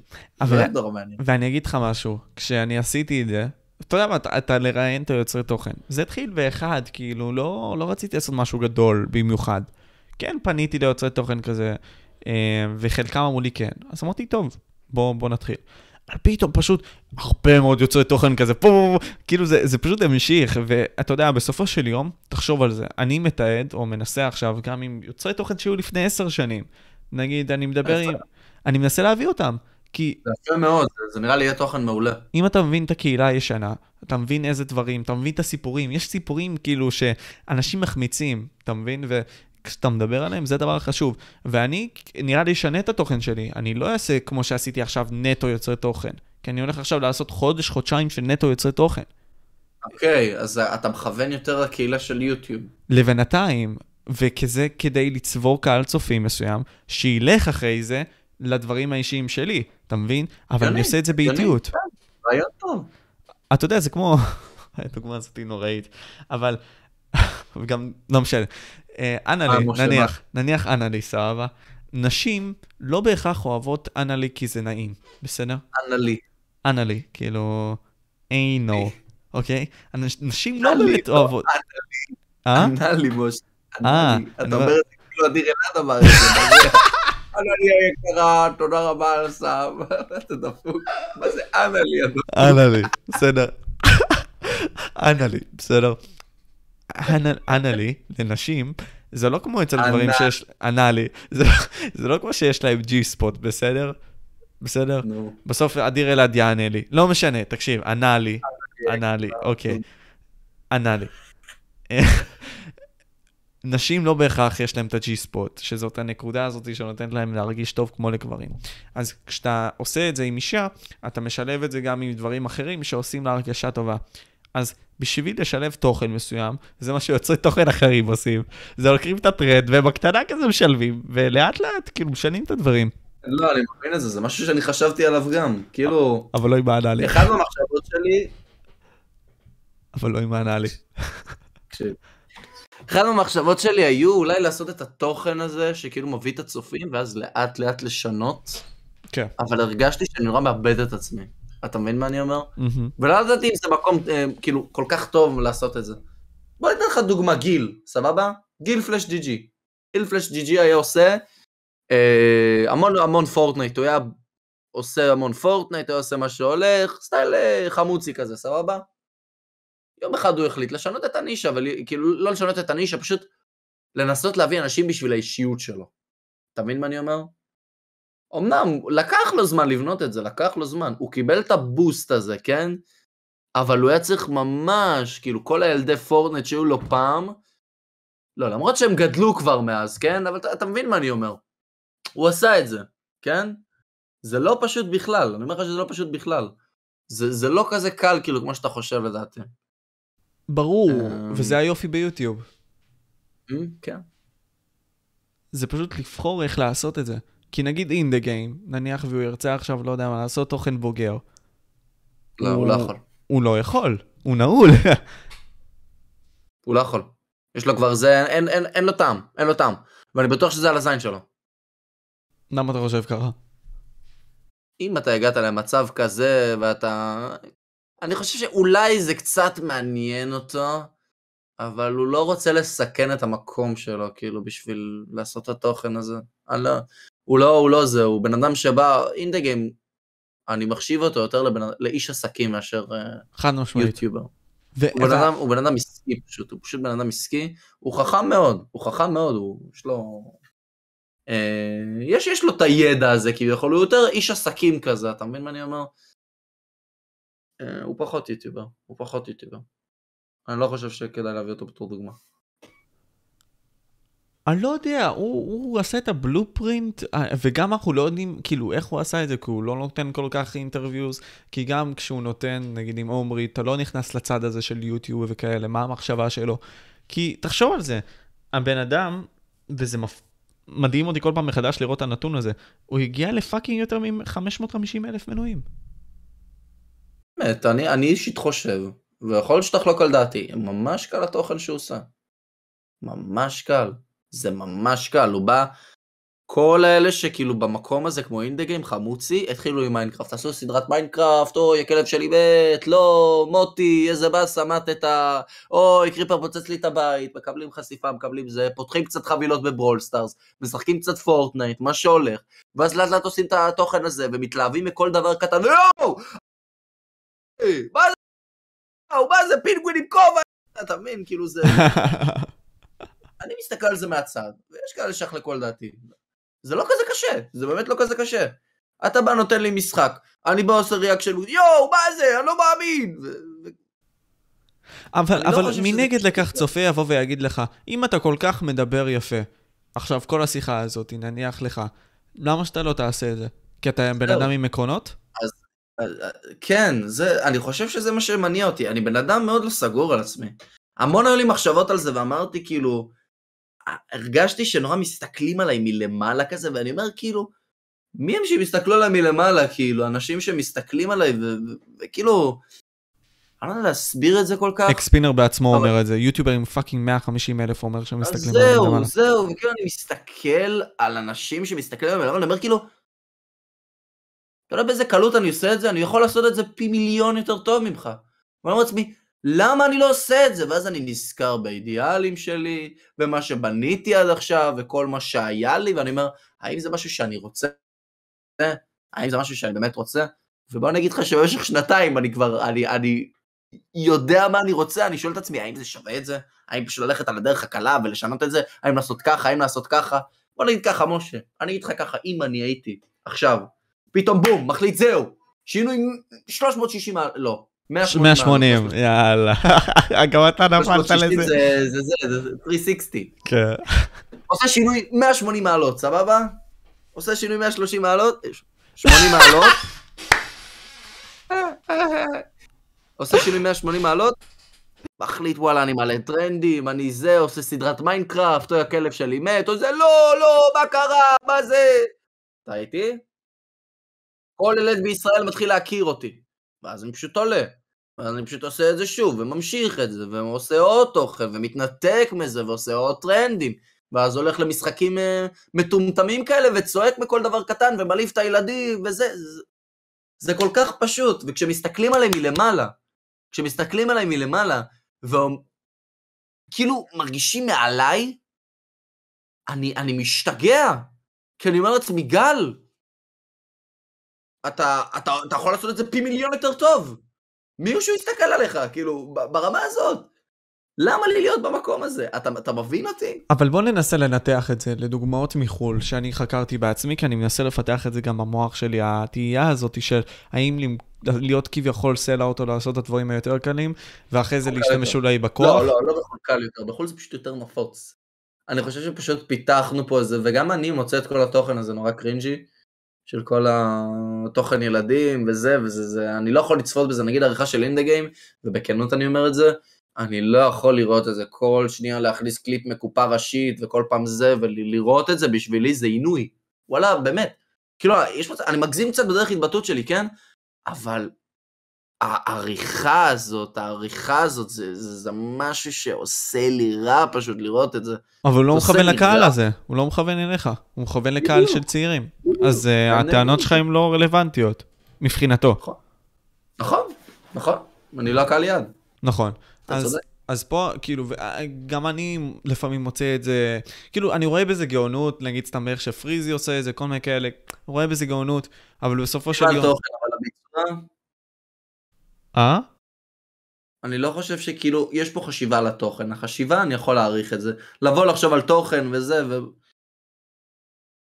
אנשים, כאילו, יש גם העתקות מחו"ל. יש המון העתקות מחו"ל, אתה יודע על מי אני מדבר, יש המון העתקות מחו"ל, ואנשים שבטופ אשכרה מעתיקים אחד לאחד מחו"ל ומתלהבים וזה, ואני כאילו... אבל מה לא הבעיה בזה? זה- תקשיב, תקשיב, בוא נפרק את זה ככה. אני גם נתתי את הטיעונים האלה לטווילה ולכמה יוצרי תוכן. אני אמרתי לטווילה, בסופו של יום, וטווילה אמר לי, וואלה, זה מעצבן אותי שיש העתקות בקהילה. אה, אמרתי לו, תקשיב, להעתיק, אנחנו כולנו מעתיקים.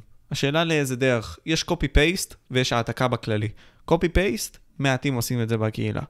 יש כאלה שכן, אני לוקח השראה, סבבה? אני נכון. אגיד לך את האמת, המון דברים בתוכן שלי לקחתי השראה, לא עשיתי אחד לאחד. באתי, אמרתי, אוקיי, זה נראה טוב, זה נראה זה, אולי אני אקח את זה, אולי אני אשנה את זה קצת, אולי אני אביא את זה בסגנון שלי, אני לא אעתיק אחד לאחד.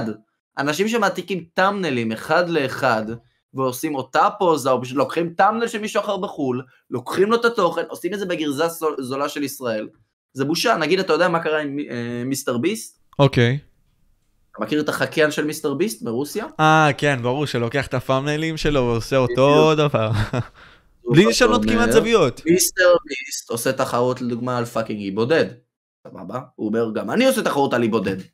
איזה אי בודד? זהו, היה לו איזה ג'ימבורי שם, עשה איזה ג'ימבורי, והמנצח זכה ברובל, לא יודע כמה רובל, באלף דולר. או נגיד אה, מיסטר ביסט עושה סרטון על למבורגיני, מי שמנצח, מי שמוריד את היד מקבל למבורגיני. אבל גם איך שלא קוראים לו עושה את זה גם. אבל מקבל סיבוב בלמבורגיני, הוא לא מקבל את הלמבורגיני עצמה, אתה מקבל סיבוב. אתה מבין מה אני אומר? לא, אז יש הבדל. לא, אז, לא, ברור שיש הבדל, אבל אני מנסה פה להגיד שאתה, אה, כאילו, אתה נגיד סתם, כן. וזה מה שאני חושב על זה, אתה יכול ליצור לעצמך נכס עם השם שלך בזה שהתחלת בסדרות ילדים. אה, ולעבור לדברים מסוימים שהם תוכן אינטלקטואלי, פוליטי, זה גם בסדר. אתה יודע מה? דוגמאות לא טובות. אנשים יצאו עליי בתגובות, אני חושב. אה, אה, מרב מיכאלי. בדיוק, מרב מיכאלי ויאיר לפיד התחילו בסדרות טלוויזיה, ויש את הסצנה המפורסמת הזאת שכל פעם מפרסמים באינסטגרם כדי לרדת עליהם, על זה שהם uh, עשו כביכול סקס. אה, בסצנה, ואחרי זה קמו כזה, ומרב מיכאלי סידרה את הכתפייה, אתה מבין? אז כאילו, אתה מתחיל מפה, ואתה מגיע לפוליטיקה נניח. אתה יכול לעשות את זה.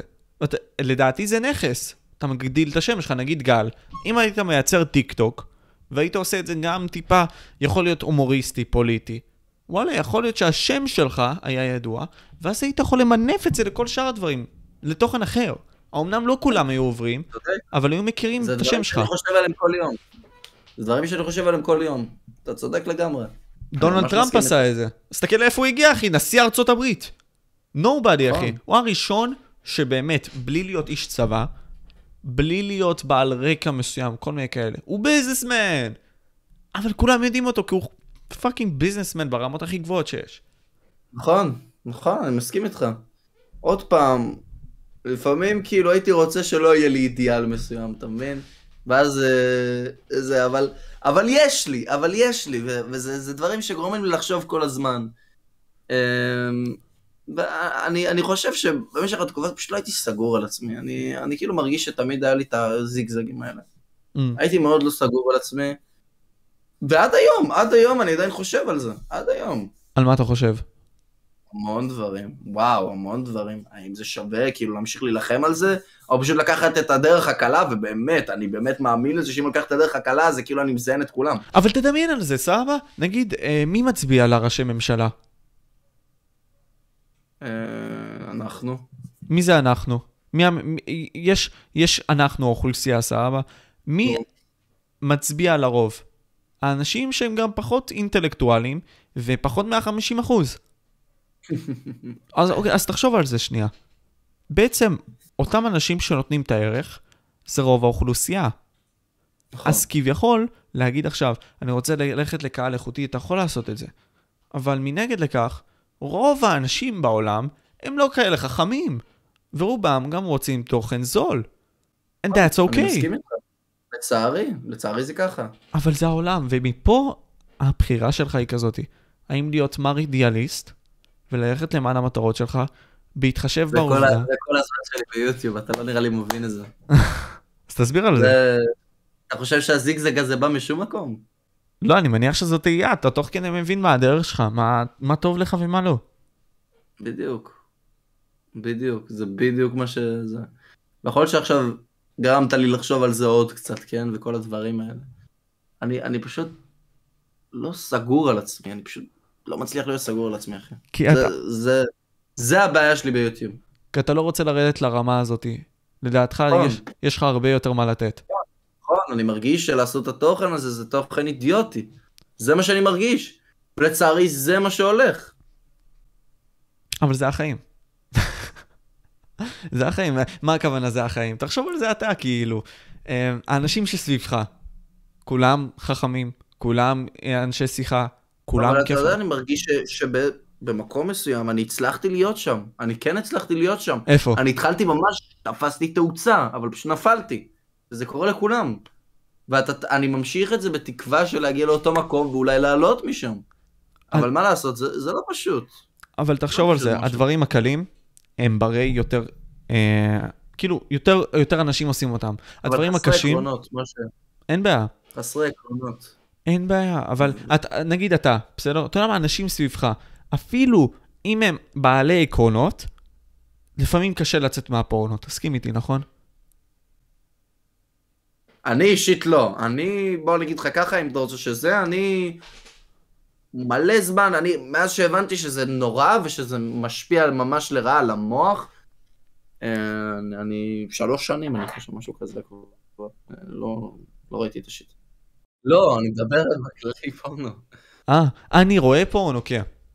ו... כן, אתה עדיין רואה? אני עדיין רואה. האומנם במינון הרבה פחות וכל מיני כאלה, אבל תקשיב, יש לך בחיים האלה, וזה בכל דבר, תחשוב על זה ככה בצורה גם הגיונית. יש לך הרבה מאוד הסחות דעת, ואיך אתה פורק את מה שעל ליבך, אחי? נגיד אני פורק את זה גם בשיחות פה, האומנם אני מקשיב וכל מיני כאלה. יש לי מחשבות שרצות בראש, שאם אני אגיד אותם, אחי, בהקלטות out of context, זה יישמע מטומטם. אבל פה אני אשתף אותם. Uh, חלקם משתפים את זה, אחי, במכות. Uh, הולכים לחוגים וכל מיני כאלה. חלקם מאוננים. משחררים את הלחץ. כי החיים האלה לא זה קלים. משהו שצריך לעשות בכללי, אה, זה משהו שצריך לעשות בכללי. אבל השאלה באיזה דרך, אתה מבין? והשאלה הנגישות, והשאלה איך זה פוגע בך. אבל זה נעים לך, אתה מבין? ואתה לא רוצה יותר מדי להתמודד עם זה, כי זה זה קשוח. טוב מה שאמרת, זה טוב, זה באמת, אני מסכים איתך מאוד. אני באמת מסכים איתך. על מה אתה זה מסכים? חומר למחשבה. חומר למחשבה. על מה אתה מסכים? שקר. אה, על ה- על הדוגמה שהבאת, על הדוגמה שהבאת. כאילו, האם ללכת על הזה, אבל זה משהו שקצת דופק אותך.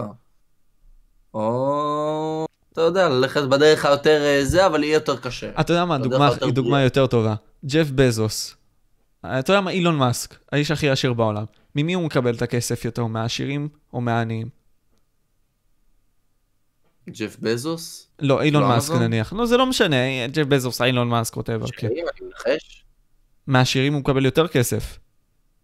אני יודע, מאיפה לי? אוקיי, מעניים? אז אני, תחש- אין לי מושג. אז תחשוב על זה שרוב הכסף נמצא אצל העשירים בעוד... ת- לא, 10 אחוז, כאילו, תדמיין את זה ככה, 90 אחוז מהכסף, לא, אני לא זוכר את הנתון הזה, אבל נגיד, נזרוק, 80 אחוז מהכסף של האנשים העניים באוכלוסייה, סבבה, שווה ערך לטופ 20. כאילו, ה-80 אחוז שווה לטופ 20, אתה מבין על מה אני מדבר? אז פה אני אוקיי. מדבר שרוב האנשים שיש בעולם, ורוב האנשים שנותנים לך ערך, הם אותם אנשים שהם לכאורה, כמו שאנחנו, לא, לא כמו שאנחנו אומרים, זה בסדר גם להיות כזה, אבל לא כל כך חכמים, בורים, אה, אתה יודע, מרובנו עושים כסף, אתה יודע, אתה לא יודע, נגיד, איך לנהל את הבנק שלך, כלכלה וכל מיני כאלה, אתה בור, אחי, וממך עושים כסף, כי אתה מטומטם, בזה. כולנו בסופו של דבר כאלה. השאלה אם זה בכללי ככה, או השאלה אם זה בתחום אחד ככה. לשוק יכולים בכל דבר. שאלה איפה יכולים לשוק, ועד כמה זה משפיע לך על החיים. אתה מבין אז מה אתה אני אומר כאילו מי שב top הלך על הדרך הקלה. מי שעל ה top, תחשוב, לא, זה לא בהכרח על הדרך הקלה, כמובן שיש קשיים. בש... כאילו, אם אתה עושה תוכן קל, זה לא בהכרח אומר שהדרך קלה. אבל אם אתה עושה תוכן קל, זה אומר גם שיכולת לעבור טראומות קשות, דברים כאלה.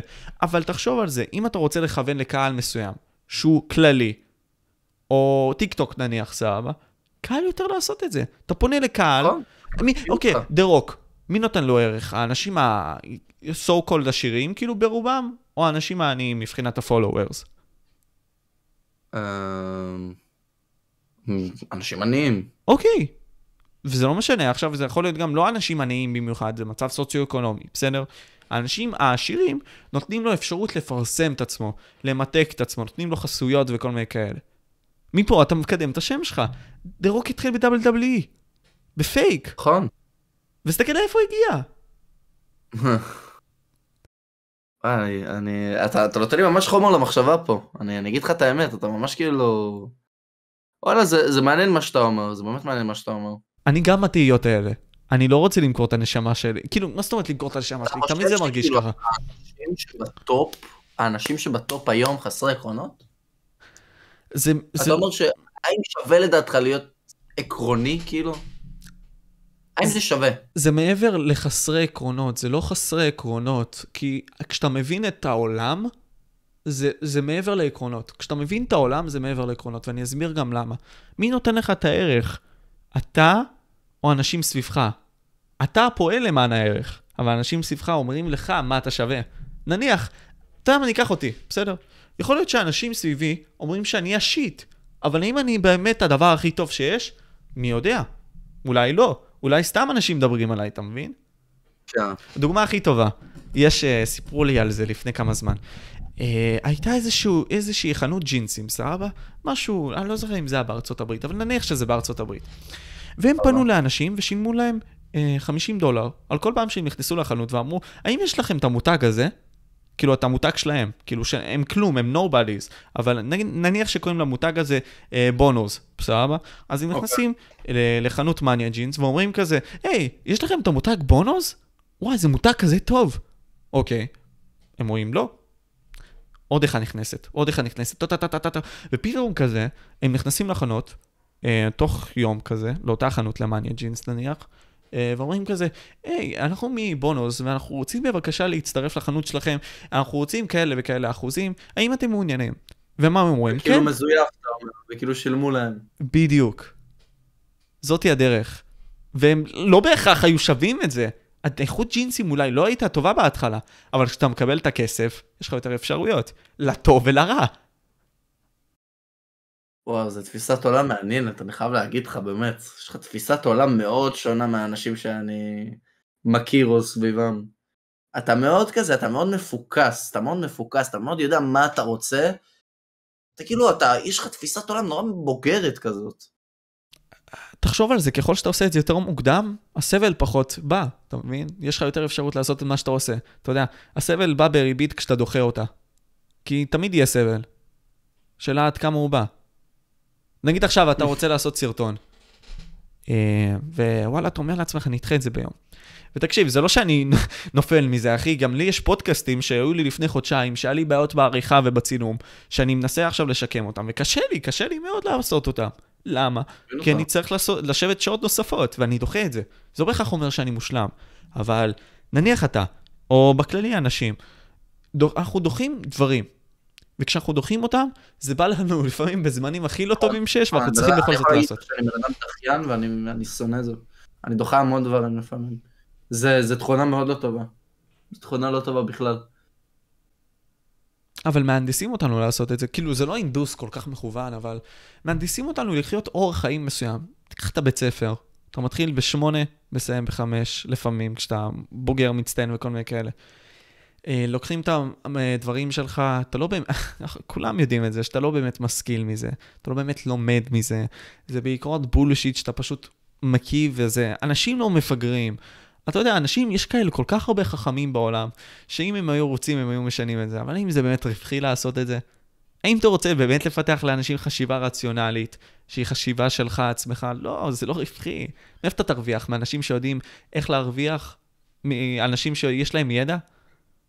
אם אתה חושב שאנשים היו פונים אשכרה ליועצים בבנק כדי לדבר איתם על איך להשקיע, נראה לך שהבנק היה שורד? לא. כי האנשים העניים, וגם זה לא בהכרח עניים, אני מתנצל, כי גם אני מגיע משם, אבל אנשים שלא כל כך יודעים, ואני לא יודע הרבה מאוד, נופלים לזה.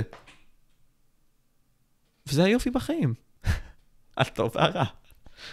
אתה אומר שידע זה כוח, כאילו, בסופו של דבר גם. בכל דבר, אחי, תחשוב על זה. אם אתה היית יודע מי לא, משפיע עליך. וזה לאן שאני רוצה לקחת את זה לערוץ שלי. אם אתה יודע את ההשפעה של כל האנשים המשפיעים בעולם, סבבה, כל הספרים וכל מיני כאלה, אתה מעל כולם, אתה מעבר, רואה את התמונה הכללית, ואז אתה רואה את ראיית העולם שלך. אתה מפוצץ לי את המוח, בן אדם, אני כאילו לא... אתה ממש מפוצץ לי את המוח, כאילו, ברמה הזאת. כאילו, זה נורא מעניין, אחי. אני, אני, אני, אני, כאילו מבין את התפיסת עולם שלך, אני ממש מבין אותה. כי תחשוב כאלה, יש כאלה שמנצלים אותך, מנצלים אותנו. מה המחשבה שלהם מאחורי אתה זה? אומר, אתה אומר שזה פשוט מלחמה. בדיוק. זה לאן שזה מגיע. מלחמה. זה לאן שזה מגיע. פשוט מלחמה, אתה פשוט אומר שהחיים זה מלחמה. כן. וזה לא בהכרח אומר שאתה צריך להיות חרא לאנשים. אמ, נגיד אני רוצה לתת מקום לאנשים שיש להם ערך, וגם בסופו של יום זה לתת מעצמך למען מטרה מסוימת שיותר גדולה ממך, כי מה המשמעות שלך לכדור הזה היא לא ידועה, והכדור הזה, לדעתי, זה לא מקום בשביל לשאול רק שאלות לגביו ולחקור אותו, זה גם לחיות אותו. ותוך כדי שאתה חי אותו, אחי, אתה מבין את הגבולות האלה של העולם הזה. אתה מסכים איתי? כאילו, העולם הזה הוא כזה גדול, ואם אתה מבין את הגבולות פשוט, אתה יודע איך לפעול. וואלה, אני מסכים איתך. אה, שמע, איך הגענו מיוטיוב לתפיסת חיים, זה מטורף, אחי. אה, תקשיב, שאני כאילו ממש מבין את התפיסה שלך, ואתה גורם לי ממש לחשוב על זה, כאילו. אני לא יודע איך להגיב לך על זה, זה... זה כאילו, זה... זה פשוט תפיסת עולם כזאת, וזה נורא משנה דברים בראש שלי כזה, ואתה גורם לי לחשוב על המון דברים, כאילו, ממש כרגע. כמו נגיד, עוד פעם, העקרונות וכל הדברים האלה. אתה, אני, לא יודע, אני לא יודע להסביר את זה כל כך. אני באמת לא יודע להסביר את זה, כאילו. אני ממש מבין את התפיסת עולם שלך, כאילו. כי תתפוס את זה ככה. פעם, אתה יודע, לפני איזה 30 שנה זה לא היה אותו דבר. נגיד, כשהיית רוצה ללכת לבית ספר או לאוניברסיטה כדי להשיג מידע, היית באמת צריך ללכת לאוניברסיטה כדי להשיג מידע. אבל עכשיו, כן. אתה יכול לפתוח... הכל באינטרנט, גם נגיד, אתה יודע ש-50% מעובדי הייטק למדו זה, אתה יודע שאין להם, אה, אין להם ניסיון מבחינת קורס, זה לא הלך לעשות קורס או משהו חיצוני. למדו בבית, נכון. נכון. וזה הגיוני לגמרי. זה הגיוני לגמרי, וזה ככה עם המון דברים. אני יכול להגיד לך שהאנגלית שלי לדוגמה, מהבית ספר? מה מענית מהבית ספר בכלל? אולי קצת דברים באוצר המילים שלי, הכל מיוטיוב, באמת. הכל מיוטיוב, הכל מניסיון שלי במחשב. זה... משם זה בא, לא מהבית ספר. אמנם פעם, פעם אולי, כאילו לא אולי, פעם, כדי לדעת אנגלית הם היו צריכים ללמוד, הם היו צריכים ללמוד בבית ספר, ההורים שלך וההורים שלי. היו צריכים לשבת, ללמוד בבית ספר, לא היה להם את הגישה, ל... אולי היה ספרים. וגם ספרים, זה, זה, זה לא היה כזה קל ללמוד מספרים. אה, עכשיו זה מה אני בכלל אומר? לא קל, כי אתה משיג הכל מסרטונים, אתה מבין? זה יותר קשוח. פעם לפחות היו זאת אומרת, רגילים. זה הרבה יותר קל לדעתי. לא, לקרוא ספר. אה, לקרוא ספרים, כן, בטח. פעם הייתי קורא מלא ספרים, שתדע. כן? למה לא קורא? לא. בתור ילד הייתי קורא המון ספרים. המון. כשהייתי הולך לאכול הייתי הולך עם הספר ככה, והייתי אוכל תוך כדי, הייתי זה, והייתי בשירותים עם הספר. היום זה כבר לא קורה. אתה יודע, כבר לא. לא יודע אם סיפרתי את זה, אבל אני התחלתי לקרוא ספרים רק לפני איזה שנה. באמת? וואו. אתה מבין? נראה כמו אחד שכאילו התחיל לקרוא לפני מלא זמן. התבונות של החיים והסטריט נולדג' זה מה שנותן כזה את התפיסה הכללית, אבל ת- תדמיין את זה לזה, וזה משהו שהפילוסוף פה אמר, אה, אלבר קאמי, אתה מבין, יש לך שלושה דרכים לחיות את החיים. דרך אחת, וזה רובנו עושים את זה, כאילו רוב האנשים בעולם, אתה יודע, אתה מתעסק בדברים. וכשאתה לא מתעסק במשהו, אתה כבר מאבד את עצמך בחיים האלה, כאילו, מה המשמעות שלי? אתה מבין? זה, אה. זה כשאנשים מגיעים לפנסיה, וזה משהו שנגיד סתם בסביבה הקרובה שלי, אה, יש לי מישהי אה, שאני מכיר, שסבתא שלה עומדת לצאת עוד מעט לפנסיה. והסבתא הזאת אומרת לי, תקשיב, אני לא יודעת מה אני הולכת לעשות, כאילו, כן, אני חושבת ללכת לשחייה, אבל זה כי אהבתי את זה פעם וכל מיני כאלה. אנשים צריכים תעסוקה. נכון. מצד שני, אומרים כזה, אולי תתאבד. כאילו, אין, אין, אין דרך אחרת. או צד שלישי זה נמרוד, אחי. זה, זה קצת קיצוני, אני לא אשקר. לא, אז הוא אומר גם שהצד השלישי, וזה הצד החשוב להבין, שהחיים האלה הם גדולים מדי. ולכל משחק יש חוקי משחק. לא משנה איפה אתה נמצא ב-RP, יש חוקי משחק, פרטיזן קובע אותם. כשאתה נמצא ביוטיוב, אה, היוטיוב קובע לך אותם. כשאתה מבין את החוקים האלה, כשאתה מבין מה הם רוצים, אתה יכול לבחור מה אתה רוצה לעשות. אתי או לא אתי, מוסרי, לא מוסרי, זה בחירה שלך, חבר. אבל כשאתה מבין מה הם רוצים, מה שנשאר לך זה רק לעשות. וואלה, אני כבר לא יודע מה להגיד על זה, כי אתה, אין לי איך, ל, ל, כאילו, להוסיף. אין לי איך להוסיף, אני חושב שאתה פשוט צודק פה. זה נורא מעניין את תפיסת העולם שלך. תודה, אחי, אני אה. ממש מעריך את זה. אני, אני, אני. אני באמת חושב אבל, ש... וזה למקרה שלך, אל תפחד להביע את עצמך. אתה רצית פעם, נגיד, בדוגמה שלך, רצית להיות שחקן, לא? כן. לא, אני עדיין זה, אני חושב שאני אעשה את זה גם. בסופו של דבר אני, אני בטוח אהיה בזה. יש לי את הכישרון לזה, ואני חושב שאני... אני, אני פשוט טוב בזה, אני פשוט טוב בזה. אז אתה חושב שרק אנשים חכמים יבואו וייתנו לך את השרביט להיות שחקן? אנשים חכמים? כן, אנשים חכמים, עשירים, ייתנו לך את האפשרות להיות שחקן. לא רק הם. לא זהו, זה העניין.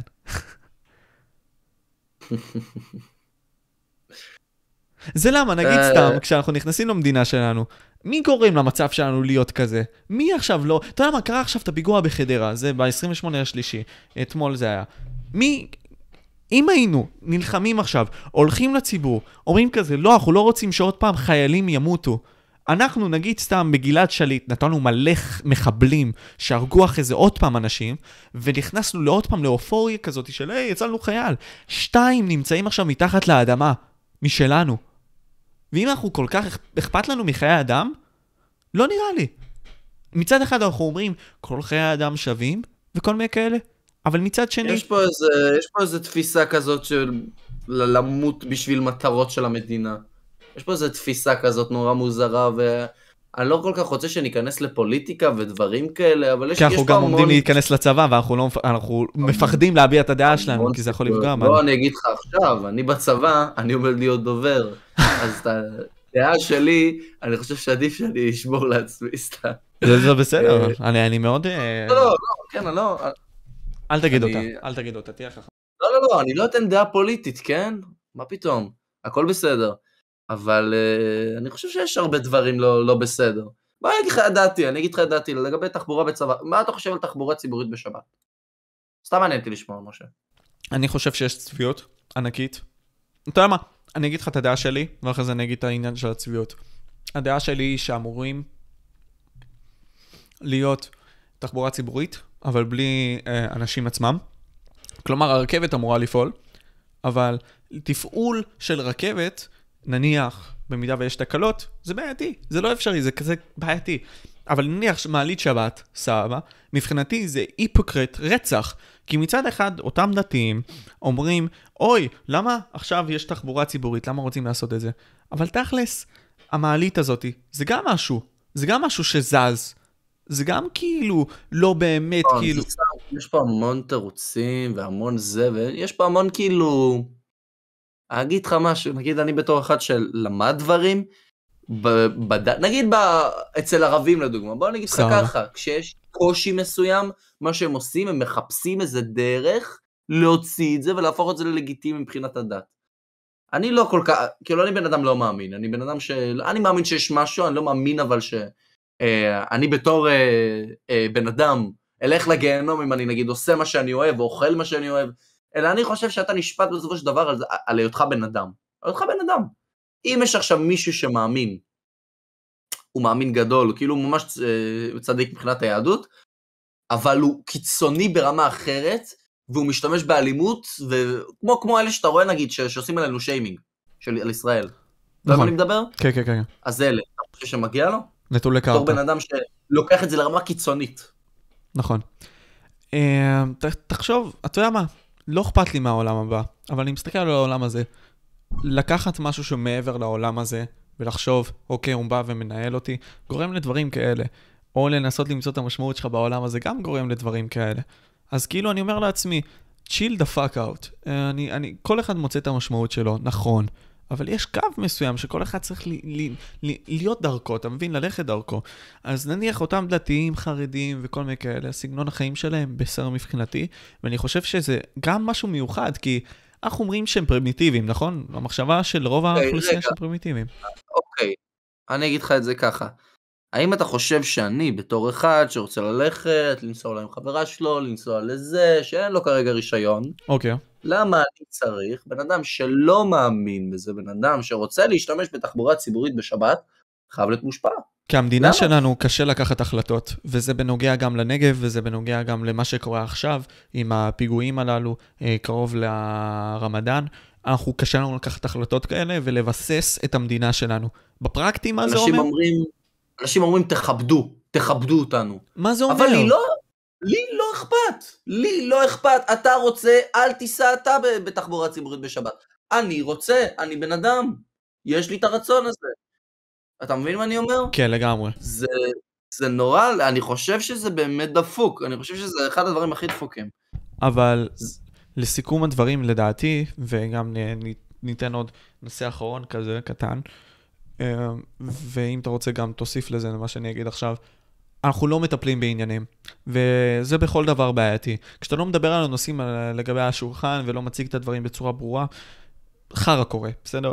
אז זה למה אני אומר, נניח, שאותם חרדים דתיים, וואלה נדפקים, וגם אנחנו נדפקים. כי מי ידבר על זה? מי יגיד עכשיו, וואלה, אנחנו רוצים נגיד סתם דיון על אוטובוסים, ככה מרב וככה. מקדש ומרב מיכאלי ניסתה לקדם את זה, אני לא בטוח מה הלך עם זה, כן? אתה אבל- יודע שהיא התחילה להבטיח דברים, היא אמרה שהיא תקדם את התחבורה הציבורית בשבת, והיא שרת התחבורה או משהו כזה.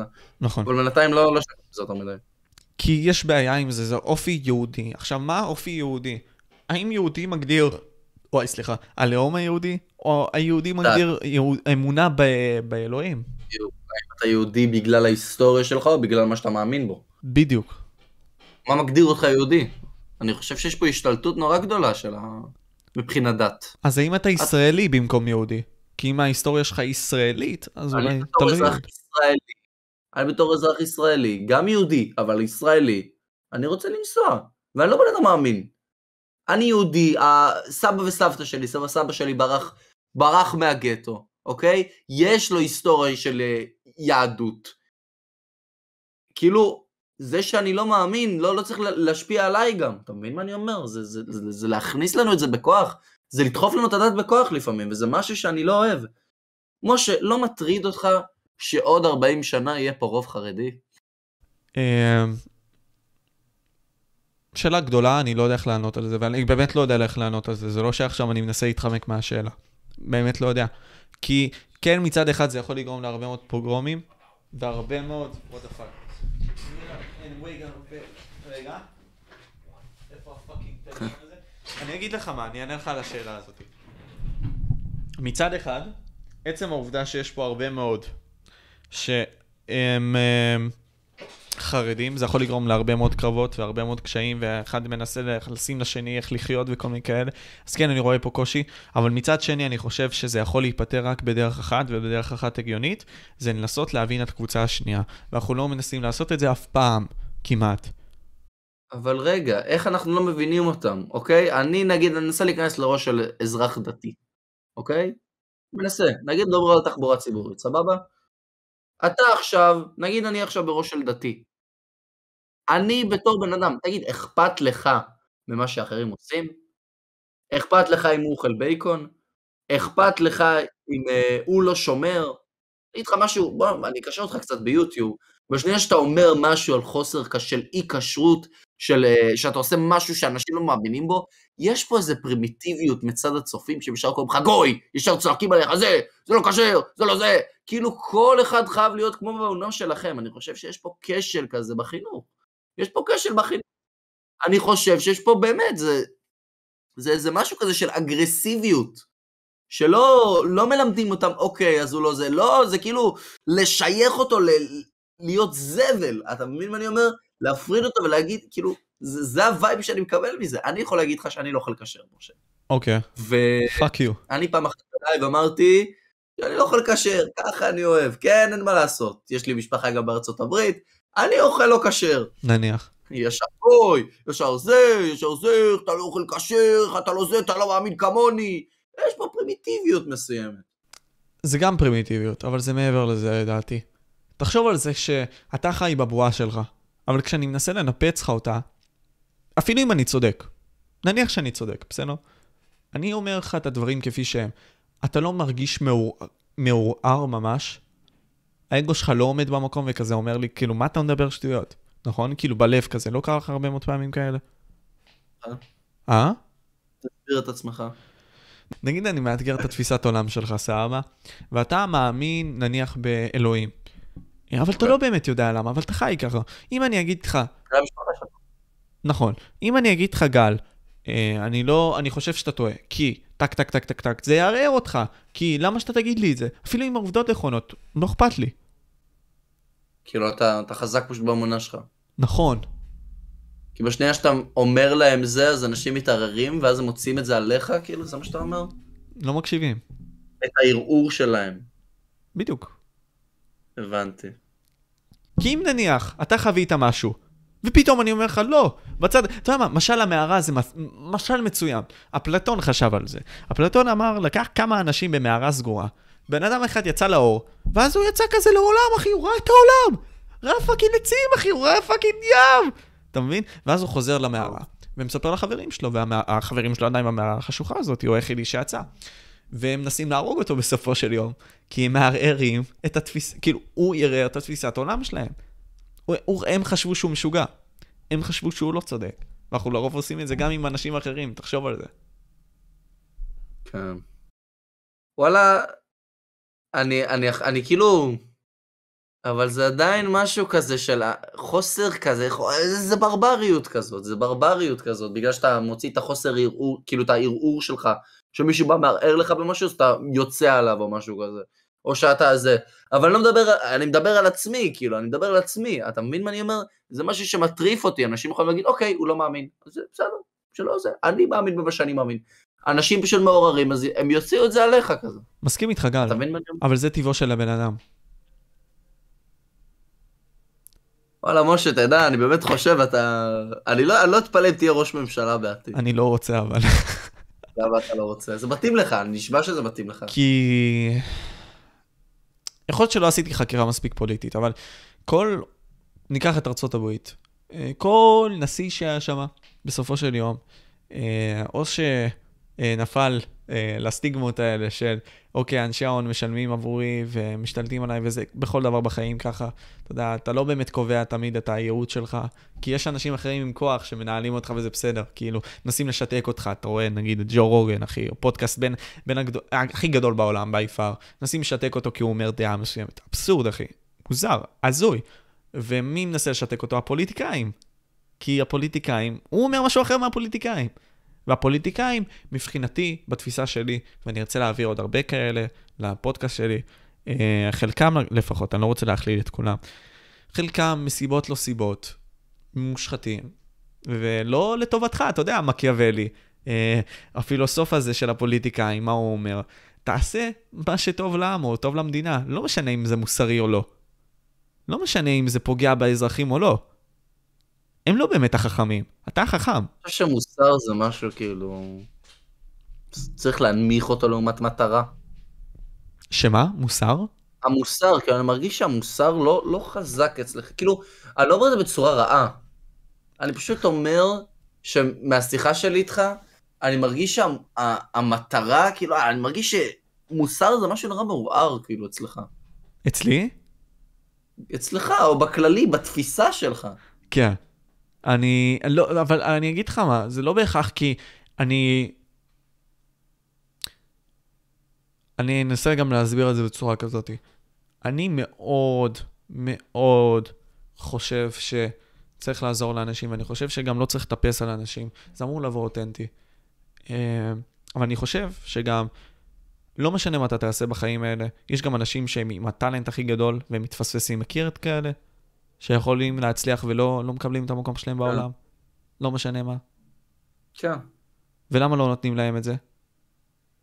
הרבה דברים. אני חושב שיש הרבה דברים שמפילים אותם. חלק מהפעמים זה כי הם לא שומעים אותם, הם לא מדברים. אתה יודע, הם מנסים להגיד את המילים שלהם, ומי ישמע אותם? יש אנשים במילא עסוקים בעולם הזה, יותר מדי אפילו. מה הופך אותך לשונה? איפה אתה נכנס לתמונה? אבל פה, זה עניין של משחק, הכל זה משחק. גם השיחה שלי איתך זה משחק. לדעתי. זה לא בהכרח אומר שזה משהו רע, אז שאני עושה לך רע וכל מיני כאלה. אני תופס ממך כחבר, לא כי אתה רק יוצר תוכן, אלא כי הכרתי אותך בדרך ואתה יוצר תוכן. זאתי התפיסה כן. שלי. אני עושה את זה כן. למטרה של, מן הסתם, אם אנחנו נסתכל על זה מלמעלה, תחשוב על זה, אנחנו גדלים בצורה מסוימת כשאנחנו עושים שיתופי פעולה עם אנשים אחרים. לא, ברור, אני מבין את זה חד משמעית. ומן הסתם שהם נותנים לך איזשהו חסד בזה. וזה לא, זה אמור להיראות, לא להיראות כאילו אתה מסכן, אלא כי עדיין לא קיבלת את הבמה. והרבה מאוד אנשים לא מקבלים את הבמה בחיים האלה. אז זה לא נכון. עניין של מוסר במיוחד. אנשים, לדעתי, חלקם אה, מוסריים יותר, חלקם פחות. אבל האנשים ששולטים על העולם לא בהכרח מוסריים. אתה מבין? אתה אומר שרוב מי שמצליח בחיים הוא חסר מוסר. הרבה מאוד מהם. דמיין, אתה יודע, הוליווד מלאה בכאלה. זה לא בהכרח אומר שזה משהו רע, כי אתה תצפה בהם. וואו. הלוואי שכל האנשים האינטליגנטים, המצליחים, היו שולטים על העולם, כי זה נכון, פעם היו עושים את זה ביוון העתיקה. אבל את הפרוטקציות בישראל מובילות אותך להרבה מקומות, לא ככה גל? אני מסכים איתך. אתה באמת, אתה... אה, לא יודע, לא יודע מה להגיד על זה, נשבע לך שלא יודע מה להגיד על זה, זה פשוט נכון, כאילו. זה עצוב. וואלה זה עצוב, תראה, יש המון פרוטקציות, כאילו. בהמון מקומות גם. אתה יודע מה הדוגמה הכי טובה? הוליווד, נגיד. היה שם איזשהו במאי בשם ארווי ויינסטין, דיברתי על זה פה. הוא לקח בנות, ופאקינג דפק אותם, אחי, בשביל לתת להם מקומות בסרטים שלו, כי הוא במאי בין הגדולים בעולם. ונראה לך שזה רק הוא? נראה לך שהוא רק הוא הבן זונה היחיד? לא יודע. אתה מלחיץ אותי, אני לא אשקר, משהו בבית שאני מקבל ממך. לא, אבל תחשוב על זה, הם... נו, אבל אין מה לעשות, זה הכל משחק. גם ישו אמר את זה. ישו. ישו. ישו אמר כן. את זה, אחי. אתה צריך להיות גם הבן אדם הזה וגם הבן אדם הזה, גם האריה וגם הגדי. אתה צריך להיות שניהם. אתה צריך גם להרתיע כשאתה צריך. נגיד נכנס אליך מישהו לבית, סבבה, גנב. נו. מה אתה תבוא ותגיד לו? היי, גנב, אתה יכול לצאת לי מהבית? או, היי, גנב, תצא לי מהבית!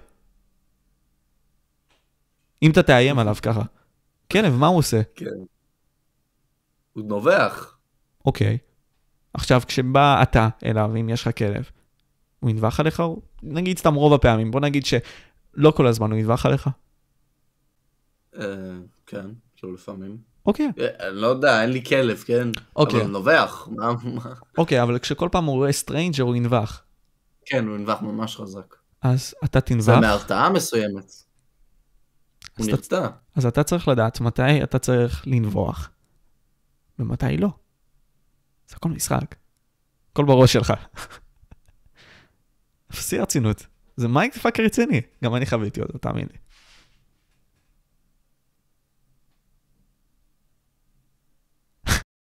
לא יודע מה להגיד לך, נשבע לך, כאילו, באמת, אין לי מה להגיד לך. אבל יכול להיות, זה לא בהכרח אומר שהתפיסת עולם שלי היא טובה והכל, יכול להיות שזה נורא, אחי, לשמוע את זה מאנשים מסוימים, אבל... אבל אתה צודק, אתה יודע, זה משהו שהיה לי בתודעה הרבה זמן. מה שאתה אומר זה דבר, הרבה דברים שחשבתי עליהם, כאילו. אתה יודע? כאילו, יש גם המון מהבחינה הנפשית, כאילו, אם, אם אתה, נגיד אתה מצליח וסבבה והכל, השאלה אם אתה באמת, זה מה שעושה לך טוב, האם אתה נהנה מלעשות את זה. יש פה כל כך הרבה, כאילו, אתה... אתה מנסה לחשוב, כאילו, אתה מנסה לעשות איזון, מה, מה... אי אפשר לעשות איזון, זה או זה או זה, כאילו. אבל בוא אני אספר לך משהו. תדמיין שאתה נכנס לבית ספר וכולך עם אופטימיזם וכל מיני כאלה. העולם מכוון אותך ככה שאתה תהיה מהונדס, שאתה תשרת את העולם. מה הכוונה? אתה תמלא את המשבצות הריקות. זה יכול להיות גם להיות, אה, לא יודע, במכונית זבל, אחי, אה, להיות מורה. לא בהכרח העבודות הכי... ולהיות מורה בזמנים שלנו, כאילו... אוקיי, יש הרבה מאוד מקצועות שמכניסים אותך לשם, בסדר? זה לא בהכרח אומר שהם רוצים שאתה תהיה מי שאתה. כי אם אתה תהיה מי שאתה, אתה יכול להיות מפ... מפחיד, אחי, אתה יכול להיות מפלצתי לפי הפוטנציאל שלך, לא ככה? נטו. אוקיי. לא, בקטע טוב, כאילו, מפלצתי, כאילו, בקטע חזק. כן, הבנתי. למקסם את עצמך. הם לא ייתנו לך את זה. רק אלה שהם בעד הפוליטיקאים, אתה שם לב לזה, כאילו, שיש להם קשרים פה ושמה, לא ייתנו לזה המוכשר באמת להצליח. בקומוניזם כן עשו את זה. בברית המועצות כן עשו את זה. כמובן שהיה שם וואחד הכי fucking קשרים, בסדר? אבל לפחות לך, הפאקינג, אני מהצד, אם היית טוב בספורט, היו מקדמים אותך. היו מרימים אותך, היו נותנים לך ג... דברים בחינם. איפה אתה תראה את זה בישראל? זה לא בהכרח אומר משהו רע על המדינה, אבל אלו, אלו הם העובדות. וואלה, אתה, אתה צודק, כאילו, אני, אני באמת מרגיש שאתה צודק. אני... אתה פשוט נותן חומר למחשבה פה, אחי. אני בעצמי לא יישמתי אותו, זה פשוט במוח כן? שלי, אחי. כן, זה אני... נשמע כאילו זה, זה ממש התפיסת עולם שלך. זה לגמרי, אבל... אתה יודע, להביא את זה בפועל, וזה הקושי בחיים, ונראה לי זה גם נסיים, ועוד דבר אחד שלך אולי, אה, כאילו בתור שאלה. כשאתה רוצה, לא יודע, כשיש לך שאיפות, העולם לא מנסה לתת לך לחשוב על הדברים שאתה באמת רוצה לחשוב, אה, וזה בכל דבר ככה. זה למה עושים את מה שהם עושים. אה, תמיד אפשרי להסתכל על זה, נגיד סתם, על זה שהמערכת החינוכית, הם כולם טיפשים שם, וזה למה הם עושים את זה וכל מיני כאלה. אבל אני חושב שגם במערכת החינוכית, יש שם אנשים חכמים, האלה שמנהלים אותם. נראה לך שכל פעם יש אנשים טיפשים שזה לא משתנה? תחשוב על זה. נראה לך שכל הזמן מביאים לשם בורים בכוונה, שלא ינסו לשנות את המערכת. תחשוב על זה, מה אתה חושב? אם כאילו מביאים, אני, תסביר את עצמך שוב, כי אני באמת מנסה להבין מה אתה אומר פה. אם נגיד סתם, במערכת החינוכית, האלה אוקיי. שעומדים, אתה- המערכת החינוכית היא מורעלת, תסכים איתי. אנחנו, אנחנו יצאנו משם, תכף אנחנו כן, יוצאים משם. כן. נראה לך שאנשים שם שמנהלים אותה הם בורים? מה יותר most likely לדעתך? הם לא, פשוט אין? להם זין, כאילו מה, אנשים פשוט קל להם יותר, לא- לאף אחד אין כוח באמת לשנות את זה, אנשים לא באמת באים לשנות את זה. וגם אם הם רוצים, אתה יודע, אנשים uh, מסתיימים עם, uh, אתה יודע, אקדחים לראש ומתים. אתה יודע, לא קרה מעט מקרים כאלה בהיסטוריה. מה זאת אומרת? יש אנשים שבאו לשנות דברים, כאילו... תחשוב על זה. MLK, אני לא יודע אם אתה מכיר את מלקום אקס, אבל מלקום אקס, אנשים שנגיד סתם לקחו את הקהילה השחורה, אתה יודע, היה להם כל כך הרבה כוח בידיים. תמיד שיש לך- קינג? תדמיין שהיה לך fucking כוח של קהילה, אחי, בידיים, היית יכול לעשות את הכל. אתה יכול לדמיין את זה? ואתה לא ראש ממשלה.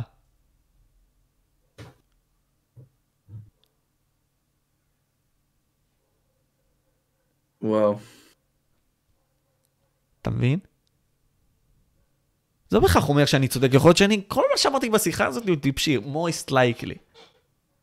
לא, אני, אני מסכים עם המון מה... אני כאילו מרגיש שאתה אתה צודק בהרבה דברים שאתה אומר. בהרבה דברים שאתה אומר, וכל הקטע הזה, אני זוכר שגם דיברתי איתך ואמרת לי, כאילו, גם אמרנו שהחיים מסוג של מלחמה. וכאילו, לפעמים... כולם משחקים לא, לא לפי החוקים, וזה כאילו לחשוב על זה ש... ליפול בגלל האידיאל שלך, אתה מבין? ליפול או לא לממש את עצמך, בגלל שיש לך אידיאלים, זה, זה מלחיץ, זה מלחיץ, המחשבה הזאת מלחיצה אותי. כל הזמן גם, כל הזמן אני חושב על זה. אתה יודע מה, כאילו אני יודע ש, שאני יכול עם השקעה להגיע למקום שאני רוצה. אבל יש בי פשוט צד שאומר שאולי פשוט כדאי את הדרך הקלה, אתה יודע? כל הזמן, כל הזמן. אבל אצל יוצרי תוכן, אתה יודע מה, ניקח את זה ליוצרי תוכן, כי זה יותר נגיש אליך. אנחנו תמיד רוצים, לפחות חלקנו, אה, כשזה משהו אומנות משלנו, כמו שאקספינר אמר לי בפודקאסט שלנו, אומנות, אתה רוצה לעבוד על זה הרבה, זה שלך, זה בא מהלב שלך, אתה תעשה הכל בשביל למקסם את זה. אה, אבל, במידה ונגיד סתם אני עושה תוכן כזה, אני אקבל פחות צפיות. נכון. אבל יכול להיות נכון. שגם, גם כשאתה. תעבוד, צפיות זה מה שחשוב, השאלה אם תקבל את הסיפוק הזה. בדיוק, השאלה אם זה שווה על הפן הנפשי. נכון. וגם, אתה יודע, זה גם לא... נכון, וזה גם לא לטווח ארוך, תחשוב על זה. אם אתה כל הזמן יורד לפרפקשנס, לא כולם יכולים לעשות את זה. אבל אם אתה מקבל את אותן צפיות, הדבר היותר, בוא נגיד ככה, אה, זמין, הדבר היותר כזה זורם, אתה יכול ליצור יותר בדבר הזורם הזה מאשר בפרפקשן. זה עושה את העבודה.